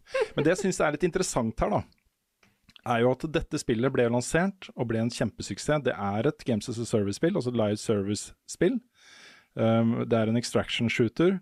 Um, Riktignok ikke en, en, et survival-spill, men den modellen der, prismodellen og, og inntektsmodellen, er den samme som både Suicide Squad og Skull and Bones uh, har. Altså Det er meningen at man skal spille disse spillene over veldig lang tid. Det skal komme masse nytt innhold, det er masse mikrotransaksjoner, det er kosmetikk. Uh, kommer uh, nye greier hele tiden. Og det er, det er nesten sånn spektakulært å se hvor mye da, Suicide Squad og Skull and Bones feiler, satt opp mot eh, Helldivers 2. Eh, og det som, er, det som er litt spennende nå, er at hvis du ser på alle de spillene som virkelig virkelig gjorde det bra i fjor, da, eh, så er det noe felles. Og det er at teamene bak um, Det virker ikke som om de er der for å, å tjene penger. Også De er der for å lage noe som er fett, noe som er gøy å spille, noe som tar litt sjanser, er litt risiko Også ikke redde for å ta risiko. Ehm, ikke redde for å overraske spillerne og dra ting i nye retninger. Um, mens de som er for safe, og de hvor man kan liksom Man, man kan skimte uh, de, de dresskledde mennene i bakgrunnen, de uh, havarerer. Og det er en, en uh, jeg, tror vi er ved litt sånn vannskille i spillmediet akkurat nå, på akkurat det. Jeg tror eh, det skal sjukt mye til å overbevise spillere om å gi deg alle pengene sine, med mindre de føler seg 100 sikre på at dette kommer fra riktig sted. Eh, og med mindre de tar litt risiko og leverer eh, innhold som du kanskje ikke forventer å få, eller som gjør ting annerledes enn andre spill, og som skiller seg ut, og som har en identitet som er knytta til at spillerne skal ha det gøy, ikke at her skal noen bak tjene masse penger. Eh, det var interessant å se Larian Studios ta imot prisen for Game of the Year på Dice Awards, som er eh, utviklerne selv da, som, eh, som kårer eh, fjorårets beste spillopplevelser innenfor masse kategorier. Eh, og da trakk de fram nettopp det. Um, de sa da fra scenen at hvis man fokuserer på å pushe grenser og lage noe man selv syns er gøy og interessant, dette er ikke et direkte sitat, jeg har skrevet det litt om, er det den beste formelen for suksess på sikt. Eh, og jeg, jeg, er, jeg tror det er så riktig. Og her sitter det nå, garantert, eh, flere titalls eh, teams eh, i ferd med å lage spill, og skjelver i buksene, altså. Eh, fordi eh, eh, dette markedet har blitt mye skumlere å lansere spill i enn det var. eh, når man har sånne ting som Helldivers. Det er jo også litt det samme problemet som da alle skulle kopiere World of Warcraft, at folk har bare tid til ett World of Warcraft. Ja, samme, det er litt sånn. På samme måte som folk har bare tid til ett eh, game as a service. Mm. Det, er ikke, det er ikke mange av de du kan presse inn i livet ditt, og hvis alle vennene dine spiller et spill, så spiller du også det spillet. Ja, det er mye sant i det, altså. Eh, Jeg, jeg tror samtidig at det, dette er en litt sånn generell eh, et varsko til hele bransjen. Um, om at man ikke må være for safe. Mm. At ikke man må være for kalkulerte på, på inntjeningsmodeller og sånne ting. At det er ikke, det er ikke der de suksessene kommer fra. Um, jeg, jeg tror suksesskriteriet nå er i ferd med å skifte veldig over til at det skal være unikt og annerledes og nyskapende og um, eh, levere noe som er bare gøy å spille, liksom. Det er um, jeg, jeg, jeg tror det også. Og det er nok ikke den siste gangen vi har sett uh, sånne fire dobbelt A-spill uh, feile. Um, kanskje fordi de har litt feil, feil utgangspunkt, rett og slett. Mm. Så, um, så det blir spennende å følge med på videre, syns jeg også. Um, vi fikk jo også nå, eh, og det streama vi også eh, mens det pågikk, en podkast fra Xbox. eh, hvor eh, de snakka om the future of Xbox. Den podkasten den, den var litt et resultat av at ryktene begynte veldig å gå på disse da Xbox-spillene som skulle komme ut på andre plattformer. Og kommer Microsoft til å gi opp konsoller nå? Har de lagd sin siste konsoll? Blir det bare en eh, sånn streaming- og abonnementstjeneste? Eh, kommer det ut på kommer GamePass på Xbox? Nei, på PlayStation? Um, masse spekulasjoner, da. Og da satte de seg ned for å på en måte uh, begrave noen av de, men uh, være litt konkrete på hva de faktisk mener, da. Og det første er jo at det, ja, det kommer da fire Xbox-spill på andre plattformer nå i våres. Det første av de er Grounded, som er ute Nei, som kommer Skal vi se.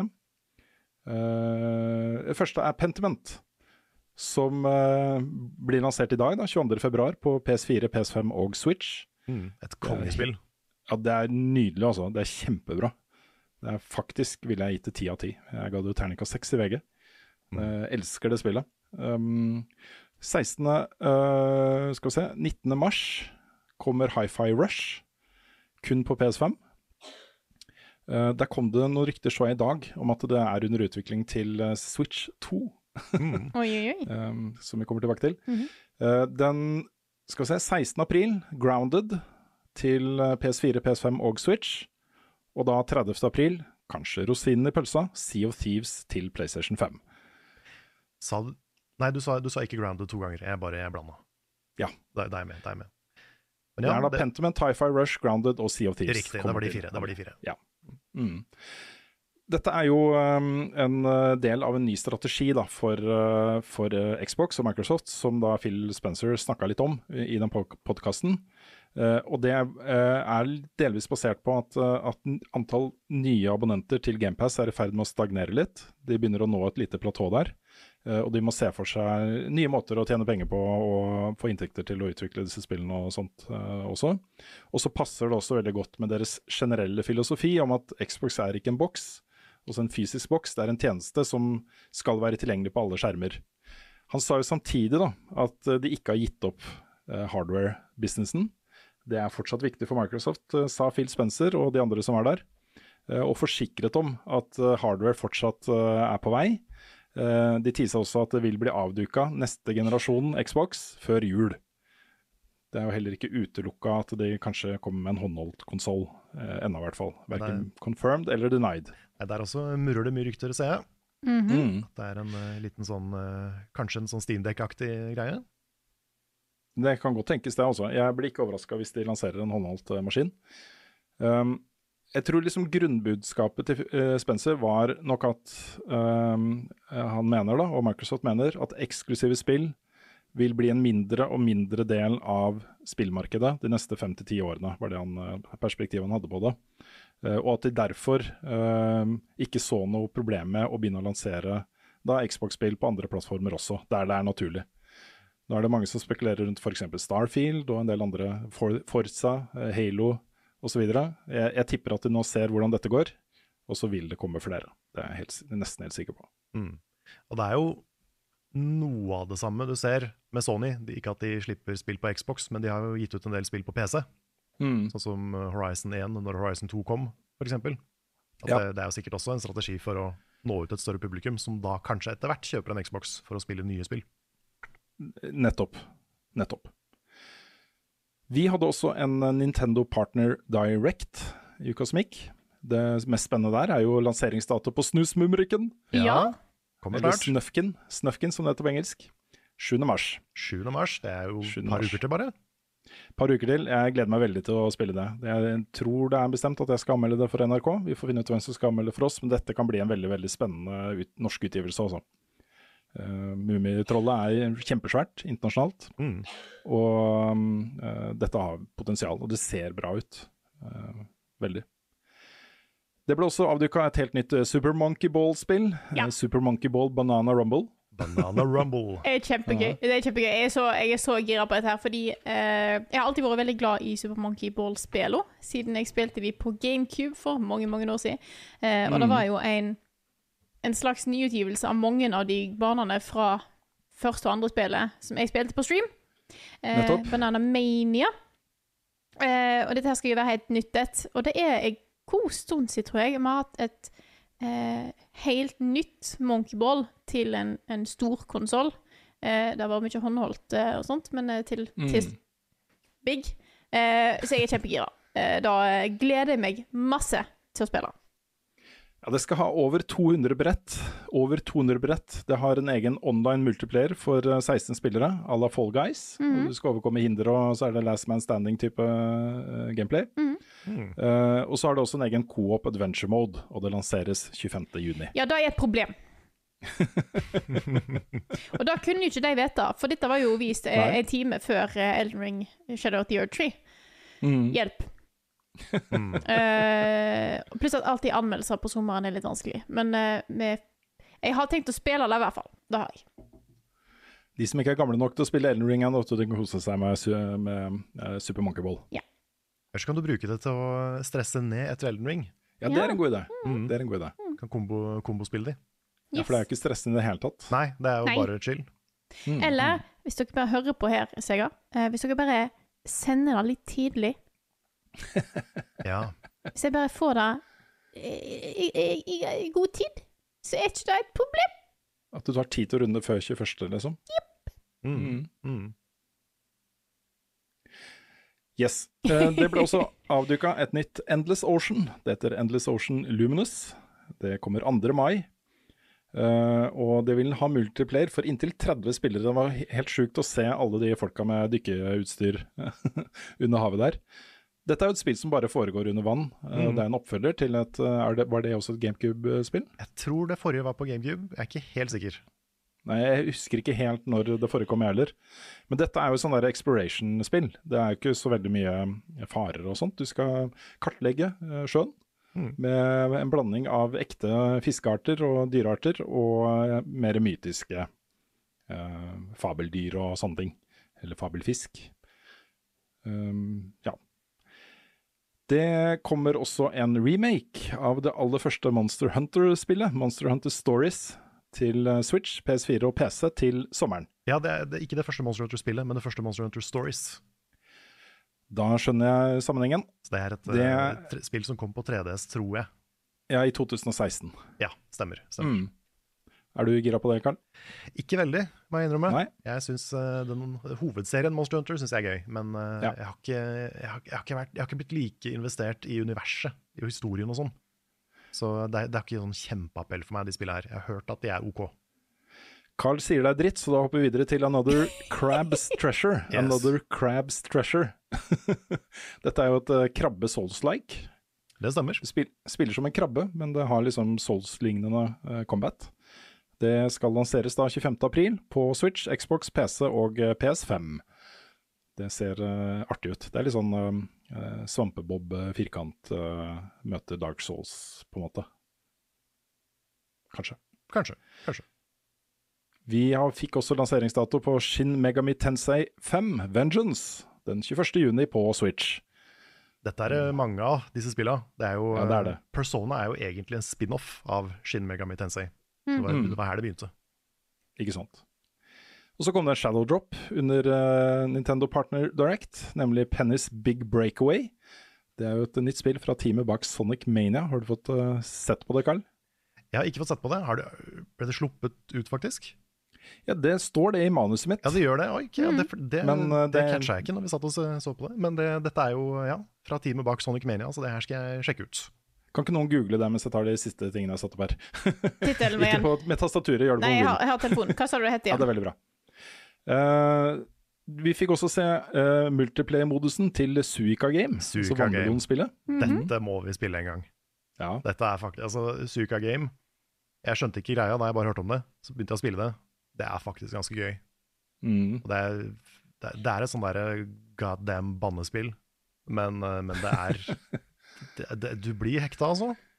Ja, altså ting, Gameplay her er at det ramler ned frukt, og så hvis du plasserer to lignende like frukt ved siden av hverandre, så blir det til en annen frukt. Ja, de vokser til å bli en større frukt, og så skal du prøve å få den største frukten, som er vannmelon. Nettopp. Og det er en slags sånn wobbly Tetris. Eh, Det finnes også andre versjoner av det som, som ligger nærmere enn å kalle det wobbly Tetris, men det husker jeg ikke mm. Farta hva heter. Men, eh, men det er liksom et, det er et spill som er så enkelt at alle skjønner det med en gang, Ja. men også akkurat passe innvikla til at du kan bli litt sånn Du, du kan bli litt sånn innbitt at du, dette skal du få til, Mhm. og så ser det så mye lettere ut enn det er. Ja. Så eh, faren min spilte det, han spiller aldri spill, men han spilte det i jula, og han vant. Mhm. Han var best. Oi! Oi, shit. Han, er, han er skikkelig stolt. Så aldri mer, med andre ord. Aldri mer. Aldri mer. Jeg spilte Scrabble med dattera mi. Eh, Det, jeg fikk litt flere poeng enn den. Jeg gjorde det, Ja, altså. du gjorde det. Det var sånn der journalistordforråd. Ja, ja. Yep. Jeg kan bekrefte at Penny's Big Breakaway kom ut februar 21. Oi, oi, det kom, det kom i går, ja. Det ble shadow-droppa. Da skal det testes. Mm. Og Det siste jeg satte opp, det ble jo vist fram en del andre spill også. Dere får ha meg unnskyldt hvis ikke jeg har nevnt ditt favorittspill. Eh, men eh, det var da et nytt tode 2D Metroidvania actionspill som heter Pepper Grinder. Hvor uh, gimmicken var at du har en sånn uh, drill-bord på hodet. Mm. Så du kan grave deg liksom gjennom, gjennom stein og fjell og alt mulig rart. da. At du fløy på en måte gjennom miljøet, samtidig som du kjempa mot fiender og Kan, kan jeg skyte inn én ting til? Mhm. Du kan det. Fordi Mother 3 Ja. Ja, har er endelig blitt lansert på Switch i Japan.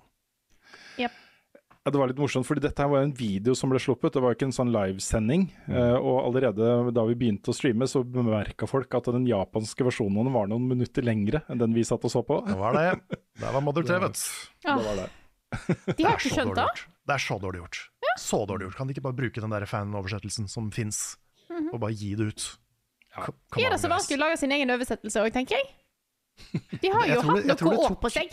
Ja, det, det har de. Men jeg tror det tok han fyren eh, mange år å lage oversettelsen, faktisk. For den var, det var så, spillet var så rart programmert. Kan hende det er det Nå òg. har jeg, nå har jeg sittet og håndteksta sånne korte 40 sekunders videoer til TikTok. Det, jeg vet at det tar litt tid. Ja, det er, litt, det er litt jobb, altså. Det er litt jobb. Men eh, skal vi se, Mother 3, når kom det ut, eh, Carl? Var ikke det 2000 og Når enn det var Gameboy. Advance? 2006, ja. Ja. Så de har hatt noen år på seg. De har hatt uh, snart ja, snart 20 år, da. Jeg tror selv hvis du hadde hatt en person dedikert til dette, Mm. så hadde de blitt ferdig nå. Hvis de ville. Ja. Men ok, vi avslutter nyhetsspalten med et eh, par rykter. Eh, Den ene er jo da eh, meldt fra både Bloomberg og Eurogamer, uavhengig av hverandre. Så jeg velger å tro på ryktet. eh, om at da Switch 2 eh, har blitt flytta til 2025. Starten av 2025. Så at det ikke kommer da til høsten allikevel. Der var det så mange level up predictions som gikk i grus på en gang. Ja. Mm. Men ja. Og litt i samme gate så ryktes det fortsatt at eh, PS5 Pro vil bli, fortsatt bli lansert til høsten. Eh, jeg, tror, eh, jeg tror Sony er veldig opptatt av å få den ut før GTA 6. Jeg tror det er det som er liksom eh, det de jobber mot. da. Sørge for en enda litt kraftigere versjon av PlayStation 5 til det spillet. Eh, og så jobber de da visstnok også med å teste ut PSVR2 til PC, og kompatibilitet til PC. Det tror jeg er et smart grep av dem, hvis de Mm. gjør det. Fordi eh, da åpner du på en måte en del nye dører og gir eh, flere tilgang til relativt rimelig VR, vil jeg si. ja, da blir du med en gang et ganske, en ganske god konkurrent på det markedet. Det gjør det. Hva er dines best, hvor var fredag sist? Har Carl egentlig sopp? Ukens spørsmål. Først vil jeg bare si tusen takk til alle som har eh, kommet inn med spørsmål. Vi har fått veldig mange spørsmål denne uka, og det er veldig mye nye navn, så jeg lurer på om det er noen nye Patreon-backere som har hoppa inn her. Da setter jeg ekstremt stor pris på. Det er veldig kjekt, eh, kjekt å se. Absolutt, absolutt. Eh, og jeg har lyst til å begynne med et spørsmål her fra eh, Sin Sinij Jedi, som skriver Hei, jeg har fått unge nummer to for tre måneder siden. Som da ser ut som noe som skal ta min mancave gjøres om til et ekstra soverom for ungen. Spørsmål nummer én. Har dere òg gjort noe som var veldig dårlig gjennomtenkt? kan være i et spill eller virkeligheten. Spørsmål nummer to. Er det greit å gi vekk en unge? Spørsmål nummer tre. Hva kan man gjøre i dette tilfellet? Kun feil svar. Takk. Ja, altså, det er jo et svært marked for adopsjon. Ja, det er det. Det er det. Det er, Det er en fin ting, det. Nei, så Jeg var jo litt i samme situasjon, da. Vi eh, hadde jo bare eh, to soverom her. Um, det er jo ett for lite hvis man eh, er eh, to voksne og to barn. Så jeg satt jo ganske lenge med bare en eh, krok i stua. Mm. Uh, og der hadde jeg min PC, så vi satte opp en liten sånn lettvegg uh, mellom da sofaen og min PC. Og så ikke en full vegg, men det bare stakk ut sånn at når man satt i sofaen, så så man ikke rotet mitt, da. Det var liksom løsninga som vi kom fram til der. Um, jeg har også prøvd også å ha en PC inne på soverommet eh, i en kort periode. Det funka ikke så bra. Så jeg vil jo si at, um, at um, enten bygge om, Ja. lage et soverom til, eh, flytte er, er også mulig. Mm. Men bare deg og din mancave, da, selvfølgelig. Sånn at du får Ja, din egen Ja, ja, ja. Og så er, og så er det er smart å ha en mancave som er så liten at ikke du kan gjøre det om til et soverom. Ikke Ja. sant? For da, Sånn som jeg har nå. Ja. ja, sånn som du har nå. For du har ikke plass til en seng der. Nei, det blir aldri gjesterom. Det er plass til en krybbe, da, men det er jo ikke noen vinduer her og litt dårlig ventilert, så jeg tror ikke det er så lurt. Er ikke godkjent som eh, soverom. Nei, det er ikke det. Nei, også um, eh, det, det er mulig å få det til, altså. Um, kanskje, kanskje det nå er da på tide å skaffe seg en steamdekk eller noe sånt, da. Mm. eller noe håndholdt eh, greier. En Switch. Something, something. Bare snike seg ut der hvor det ikke er unger. Sette deg ned og kose deg. Eh, det er mulig å kombinere. Bare eh, ordentlige leggerutiner, så går dette her seg til også. Fordi kona di kommer til å være så sliten at hun eller kommer til å legge seg ganske tidlig, og så kan du sitte da til klokka fire på natta og spille. Sånn som noen jeg kjenner gjør Ja. av og til. Mm -hmm. Gratulerer med unge nummer to, forresten. Det, Ja, gratulerer. det blir nok veldig koselig. Ofre masse søvn Um, for å få spille mer. Ja. Det var eh, Jeg vet ikke hvor godt gjennomtenkt det var at jeg fikk en til her heller eh, her, for å si det sånn, men eh, det går seg til. Det går seg til. Er det opp vi skal ta neste spørsmål her? Ja. På. Dette er fra fantastiske Martin Herfjord, som skriver Ser dere av og til på dere sjøl som ambassadører eller misjonærer eh, for spillmediet? Jeg ender overraskende opp i samtaler med Overraskende ofte opp i samtaler med folk som har fordommer mot gaming, og blir en slags ambassadør sjøl. Samtidig syns jeg litt synd på folk som ikke unner seg sjøl å utforske spillmediet. Tenk på alt de går glipp av! Har dere noen tanker om dette? Dere gjør i hvert fall en sinnssykt viktig jobb for å minske stigma mot gaming i Norge. Tusen takk, Martin. Tusen takk. Takk. Ja, det er et interessant spørsmål. Jeg har jo vært i den bresjen lenge.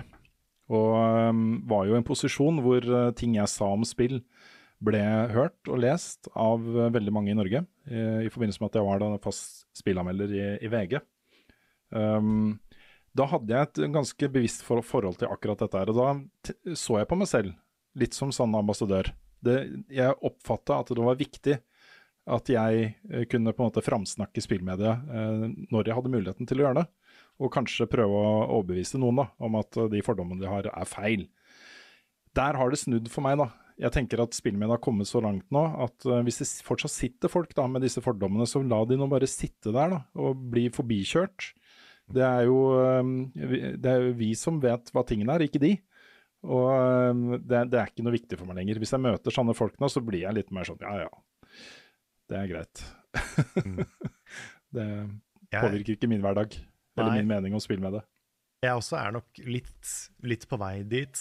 Men jeg, jeg, jeg er også litt bevisst på at jeg bor, eller jeg lever i en boble hvor nesten alle jeg kjenner, spiller. Det eneste som ikke forstår gaming i mitt liv, er liksom nær familie. Ja. Um, men jeg vet at det er mange som syns det er kjipt, at de, de ikke kjenner så mange som gamer, at de, de føler seg veldig aleine om hobbyen sin, og det syns jeg fortsatt er synd. Mm. Men det er jo, selv om spill er kjempeviktig for meg, liksom som underholdning, som kunst, historiefortelling, musikk Alt betyr mye for meg, liksom. Så er det jo sånn med veldig mange interesser også, da. At liksom, det fins de som ikke skjønner film, som syns at film bare er underholdning, bare billig underholdning. Sånn, For meg så er det hårreisende at mamma og pappa går på do uten å pause filmen. Så, sånne ting. Det er sånn der, Hvordan kan dere finne på det? Dere, dere må respektere kunsten, ikke sant? Uh, mens jeg er dårlig på å lese bøker, ikke sant? og det er jo det samme der. Så det vil alltid være noen som ikke forstår noe. Liksom, uansett om det er spill eller bøker eller whatever. Mm. Um, men, men spill er jo fortsatt et ungt medium, så det er, det er jo litt flere fordommer som henger igjen pga. det. Mm. Men, men jeg så tror at det, det er et, et døende problem, da. Men jeg tror nok likevel Altså, når det kommer til det vi gjør til vanlig her i Level Up, så har jo vi et publikum som er interessert i spill. Eh, Mm. Så hovedjobben vi gjør, handler jo mer om å kanskje vise til mange at spill har veldig mye spennende ved seg.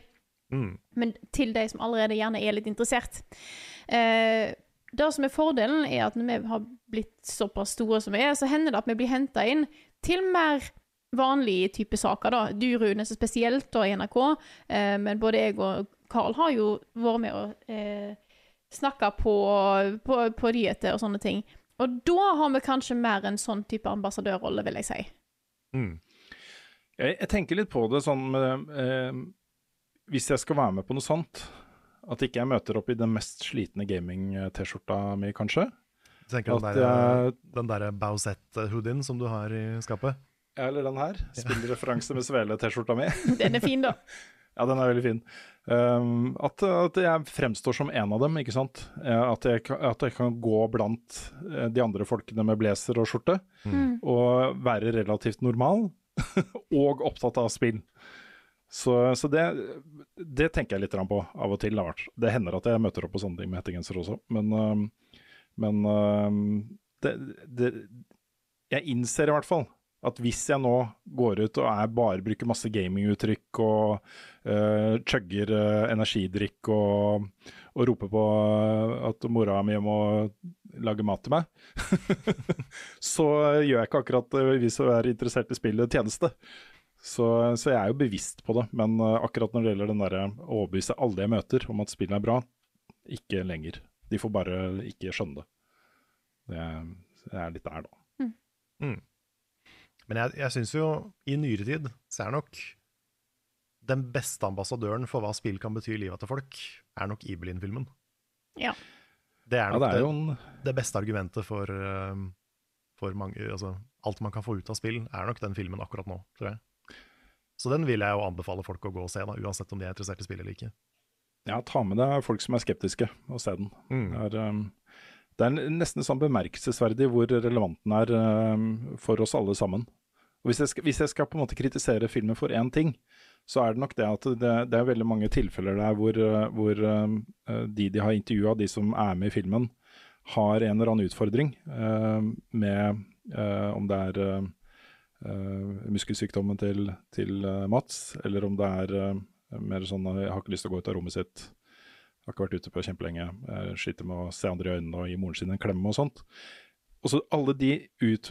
Også, deres virkelighetsoppfatning ligner veldig på min, som ikke har på en måte en, en uh, diagnose. Uh, kanskje jeg burde hatt det, jeg vet ikke. Men uh, det er veldig normalt da, å føle den type tilknytningen til online-universet hvis du er interessert i spill. Og hvis du spiller mye sosiale online-spill, så kjenner man seg igjen i det som skjer der. Mm. Så, så, så egentlig så håper jeg at samtalen fortsetter der, da. At uh, sånne som, som meg også får muligheten til å si at dette er relevant for meg også. Jeg har venner på internett, og har møtt masse folk på internett og har viktige sosiale relasjoner på internett. Og kan bruke det som en, en erstatning for å stikke på puben og se på en fotballkamp og drikke en øl med kompisen min, liksom. Um, så, så det håper jeg skjer, da. At, uh, at samtalen blir litt bredere. Mm. Mm. Vi, er jo ikke, vi er jo ikke lenger der. Jeg husker jo for noen år siden alle disse lovforslagene som ble fremma om å uh, stoppe disse voldelige, fæle spillene. og det, det er jo ikke noe fare for sånne ting lenger. Nei. Og- Sjelden, i hvert fall. ja, sjelden. Så, så de, de, de krigsvåpna der, da føler jeg liksom de har vi lagt fra oss, og det er De trenger vi ikke å ta opp igjen.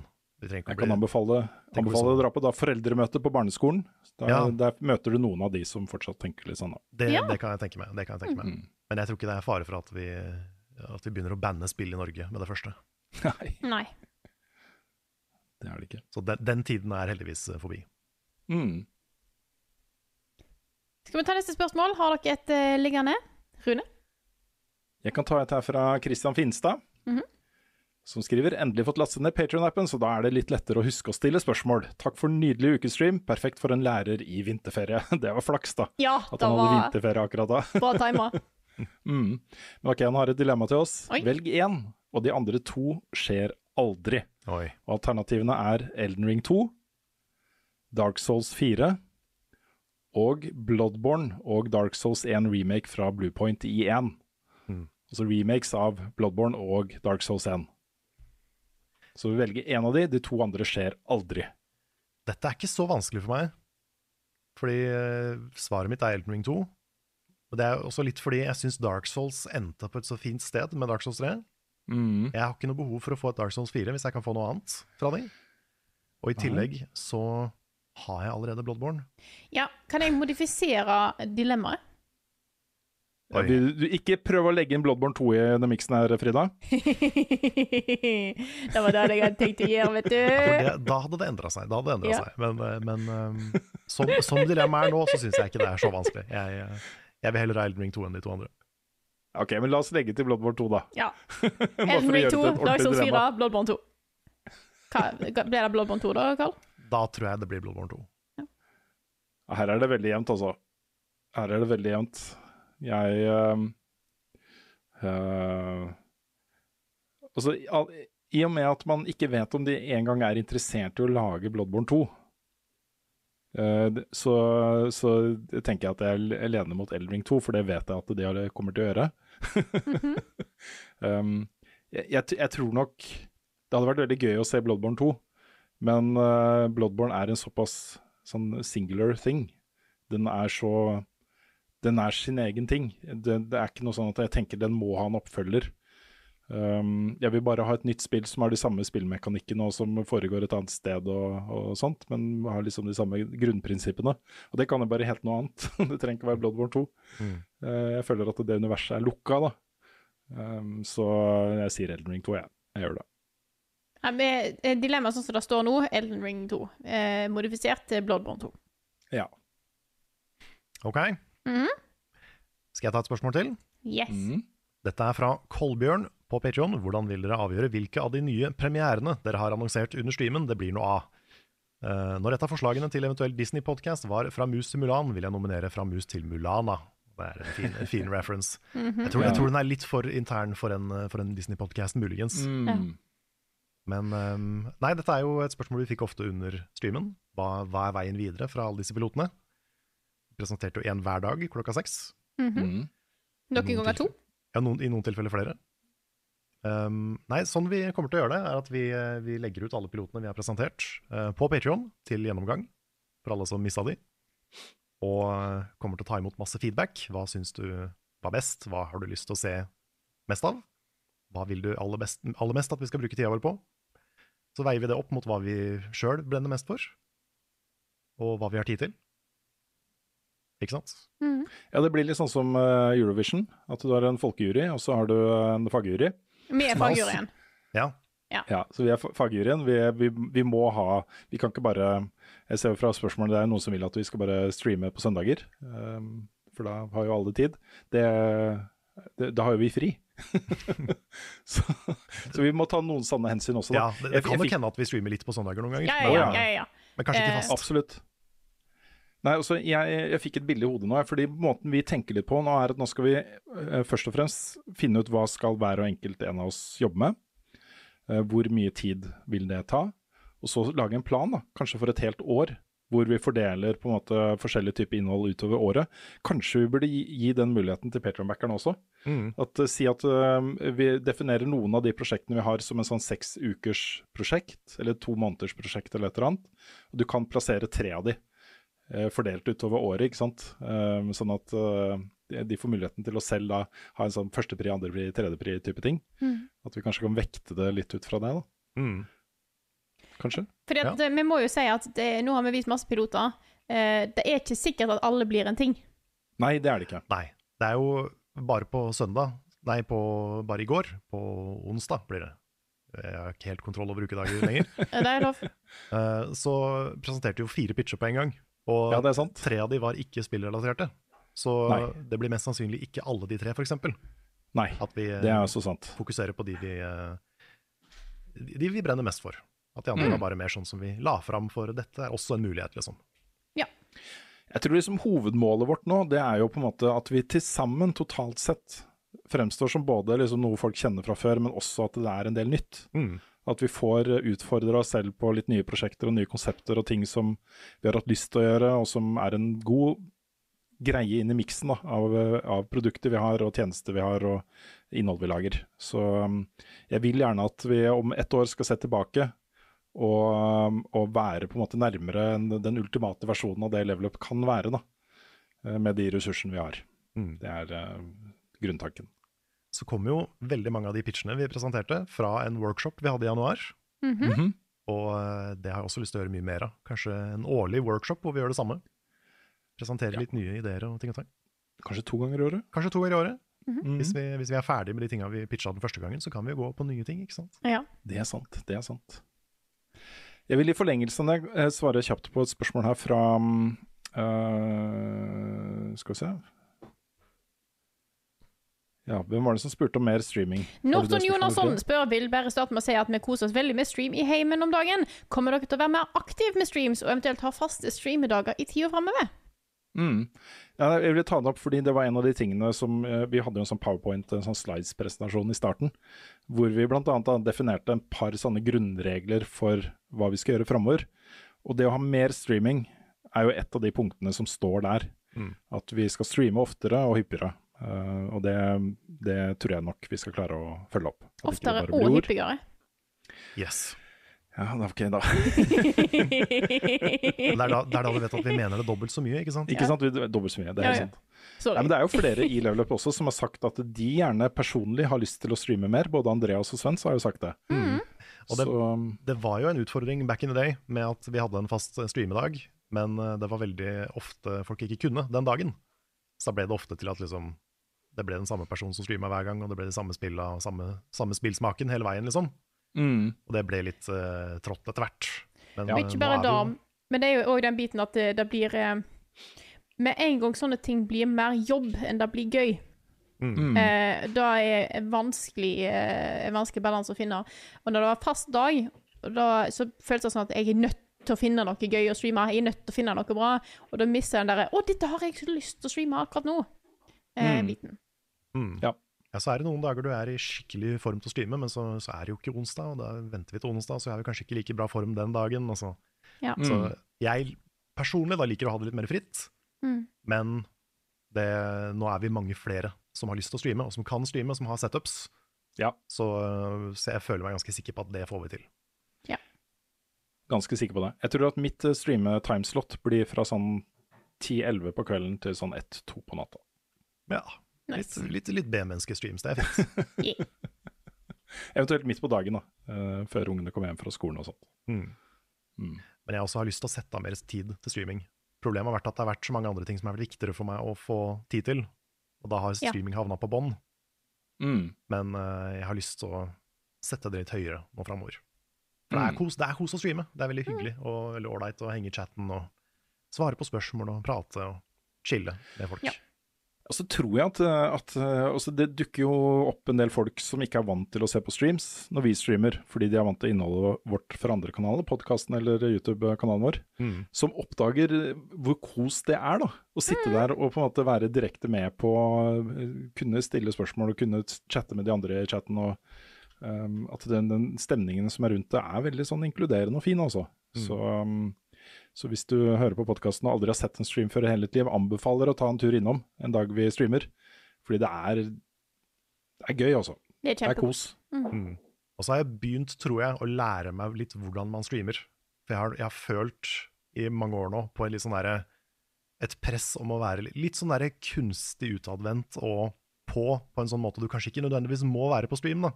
Mm. Men fordi jeg kommer fra Let's Place, og sånn, så blir det veldig kjedelig hvis du ikke er på hele tida. Så um, jeg tror hvis jeg fortsetter å lære meg å bare slappe av litt mer på stream, så klarer jeg også å streame mer. Mm. Og så har jo Nick sagt at han skal fullføre Final Fantasy 7 og Tunic. Han har det. Mm. Han har sagt det med munnen sin. Han har det, Han har det. med ord. Da Mhm. blir Han det har ikke funnet, han har ikke funnet The Golden Path ennå, ikke sant? Det er ikke Nei, han er langt fra det. Nei, nei. Oh, det er det, det er også eh, Ja. Han har et, altså Det er jo hint om det, og så har vi sagt nei, nei ikke stress med det. Så det er Mm. Ja, ja.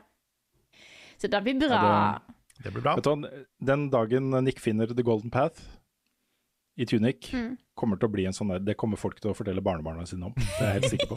Hvor var du da Nick fant The Golden Path? Ja. Ikke sant? Mm. Ja. Ja, nei, det, Ja, det må vi stort. få til. Det blir stort. Mm. Skal vi ta en runde av dere, eller? Å, men jeg har et par spørsmål ta jeg et par til, da. Kjør på. Ja, ta, Kjør på. smette min. Smette min. Da blir Ja, beef. eh, jeg har bare lyst til å svare kjapt på spørsmål fra Dag Edvardsen på Patron, som eh, eh, foreslår intervju med utviklere og studiobesøk og sånne ting. og da, Det pitcha jeg jo siste dagen, Mhm. så jeg ville bare nevne det. At det er et konkret prosjekt jeg har lyst til å jobbe med. Mm. Eh, som også kombinerer liveshows og svarer på en del andre spørsmål fått. Kan dere ikke dukke opp i Kristiansand eller Stavanger eller Bergen eller å ha shows der? Det hører sammen med dette. Ja. Ja. Ja. Så, um, så vi, der har vi konkrete planer. Eh, og så vil jeg også, eh, bare sånn at vi kan runde av, eh, av en veldig fin uke Spørsmålet er fra Daniel, som lurer på, rett og slett på om vi er fornøyde med ukestreamen. og eh, kombinere det med spørsmål fra uh, Jona Vangen. Har dere et konkret mål med level up dere har lyst til å ha oppnådd før neste år, når dere fyller ni? Og tingen er jo at vi kickstarta nå på en måte det nye level up. Vi skal innføre masse nye konsepter. Um, og vi har to grunnmål nå. Det ene er jo å lage produkter vi er stolte av, som er bra, som utvider hva level up er, som er journalistiske, som er morsomme, underholdende, nye ting. da. Kombinert med alt det gamle innholdet vi lager. Også anmeldelser, podkasten, livestreams osv. Uh, og så er jo da Parallelt med det, eh, inntjeningsbehovet vi har. Vi må jo tjene en god del mer penger enn vi gjør i dag, før dette er bærekraftig. Vi er til, nok til å betale lønninger. Um, og hvis ikke vi oppnår det, så må vi jo nedskalere. Uh, kanskje vi mister litt folk, og kanskje vi må prioritere litt annerledes og ta litt ekstrajobber og, og sånne ting. Og da vil jo level up 5.0 da, bli noe annet enn det vi prøver å få til nå med level up 4.0. Så dette året her blir kjempeviktig for oss. Vi må få på plass mer inntekter. Vi må tjene i hvert fall en million kroner til, i tillegg til Patron-inntektene eh, våre. um, og vi er ganske optimistiske på at vi skal få til det. Via Så, ting eh, eh, som ikke bare er Patron. Ikke sant. Så jeg er um, uh, Jeg håper da at vi om ett år kan, kan eh, liksom ha etablert sunn økonomi. Mm. At de som skal være fast ansatt, er fast ansatt til, med en inntekt de kan leve av og som er grei, grei nok. Med nok penger til frilansere, med dritkule produkter og masse gøy, da. Masse fett som skjer, og greier vi lager. Så, så det her blir et sånt spennende år for oss. Jeg, jeg, jeg er veldig veldig spent på hvor vi står om et år. Også. Det er Mm. eh, kjempe, kjempespennende. Absolutely. Hadde du noe siste, Karl? Jeg eh, er egentlig fornøyd, ja. Da er vi fornøyd. Vi har eh, hatt en, en solid uke nå med innhold, så hvis det er noe der dere ikke har fått med dere, så gå på twitch.tv slash levelupnord og få det med dere der. Eh, det ligger alltid i opptak, så det er bare til å velge og vrake hvis det er noe du ikke har fått med deg og har lyst til å se. Jeg kan Eh. anbefale uh, sjekke ut eh, da Nick streama Tekken 8 story-moden. Ja, fy Det var, fader. eh, det var hype to the max. Det var party. Mm. Og med chatten på sida. Ja, ja, ja. Ja, ja, ja. Vil også, jeg er også Little Company. De to Little Company-streamene våre jeg tror jeg også er ganske morsomme å se. Mm. Og det så runder jeg av podkasten, og kanskje på en måte hele denne stream-uka. Dette her er podkasten Level Backup, utgitt av moderne medier. Låten i introen og outroen er skrevet av Ole Sønnik Larsen og arrangert og framført av Kyoshu Orkestra. Og vignettene er lagd av fantastiske Martin Herfjord. Vi vil òg nevne bare sånn denne gangen her, Vi er òg eh, så fornøyd med vår nye visuelle profil, laga av Superponni. Eh, de har eh, faktisk et, eh, delt et innlegg på tror det var Instagram, og på nettsida deres, om de, litt rundt hva de tenkte med logoen. Så eh, Ah, det er kult. Mm, ta en liten kikk der. Um, litt kort, eh, kort innlegg der. Hvor var jeg hen? Jo da, innholdet vårt altså, finner du på youtube.com slash levelupnord, twitch.tv slash levelupnord, og til og med på TikTok på levelupnord der òg, vet du. Oh yeah! Yes. Uh, Hello, fellow young kids. Yes. Yes, hello fellow kids, we know what is hip with the crowds jo. And such. Yes. Eh, Bli gjerne òg med på discorden vår på discord.gg. slash levelupnorge. Der har vi en fantastisk fanart-kanal eh, der det har kommet så mye kult den siste uka. Holy shit! Eh, Shout-out til alle som har bidratt der, og kanskje spesielt eh, Gus West og spesielt ekstra Ilderart. Herregud, for noen bra illustrasjoner dere har Ja, kommet vi, med. vi fortjener ikke dere to, altså. Nei, det er Det helt sjukt. måten dere har sittet, sittet og tegna øyeblikk fra streamen underveis. Ja. Det er så kult, og det er så bra, og det er så, sånn- det er så gøy. Ja, og det er Vi hadde jo all, eh, allerede eh, hyra inn eh, disse to til å lage to nye T-skjortedesign til oss i forkant. De fins på shoppen vår, og underveis i streamen så kom de jammen med to T-skjortedesign til fra hver av de. En tunic, eh, fokus på Nick der, altså, fra Gus West, og eh, en eh, fra fantastiske Frerith Slam Dunk.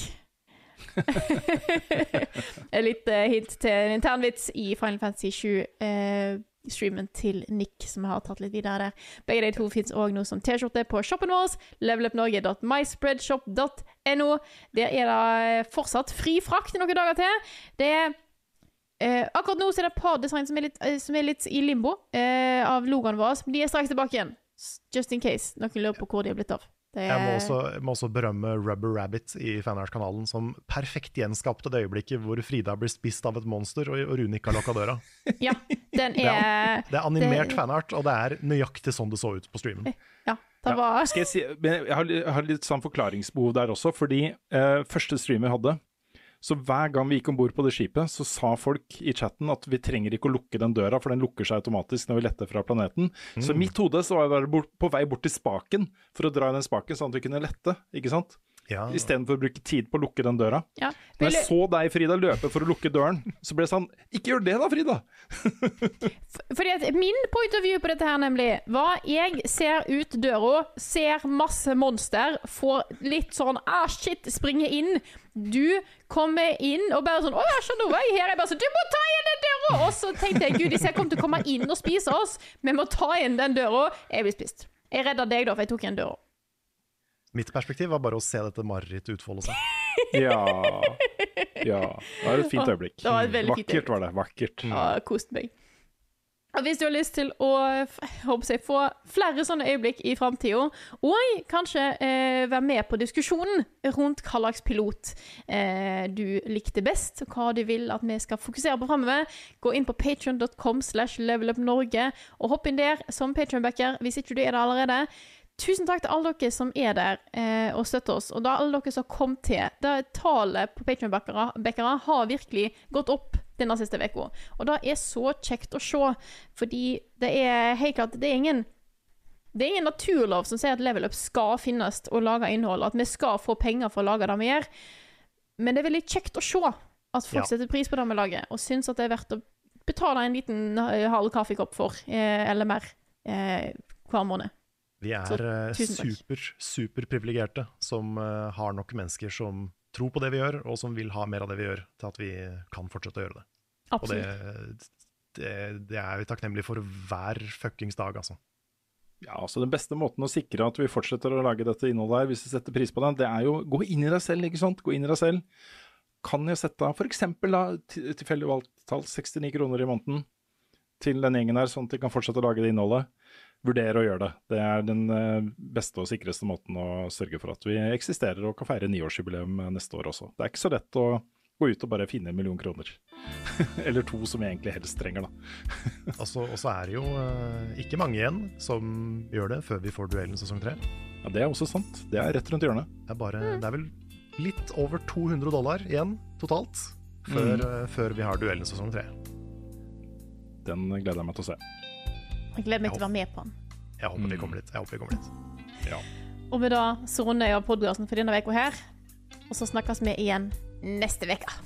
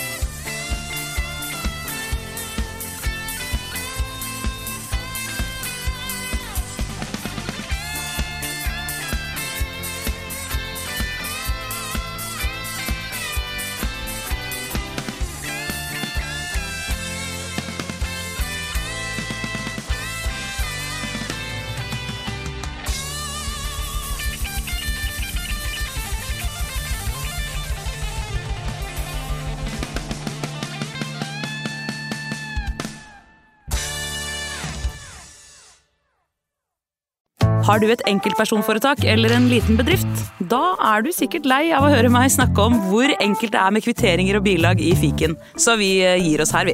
Fordi vi liker enkelt. Fiken superenkelt regnskap.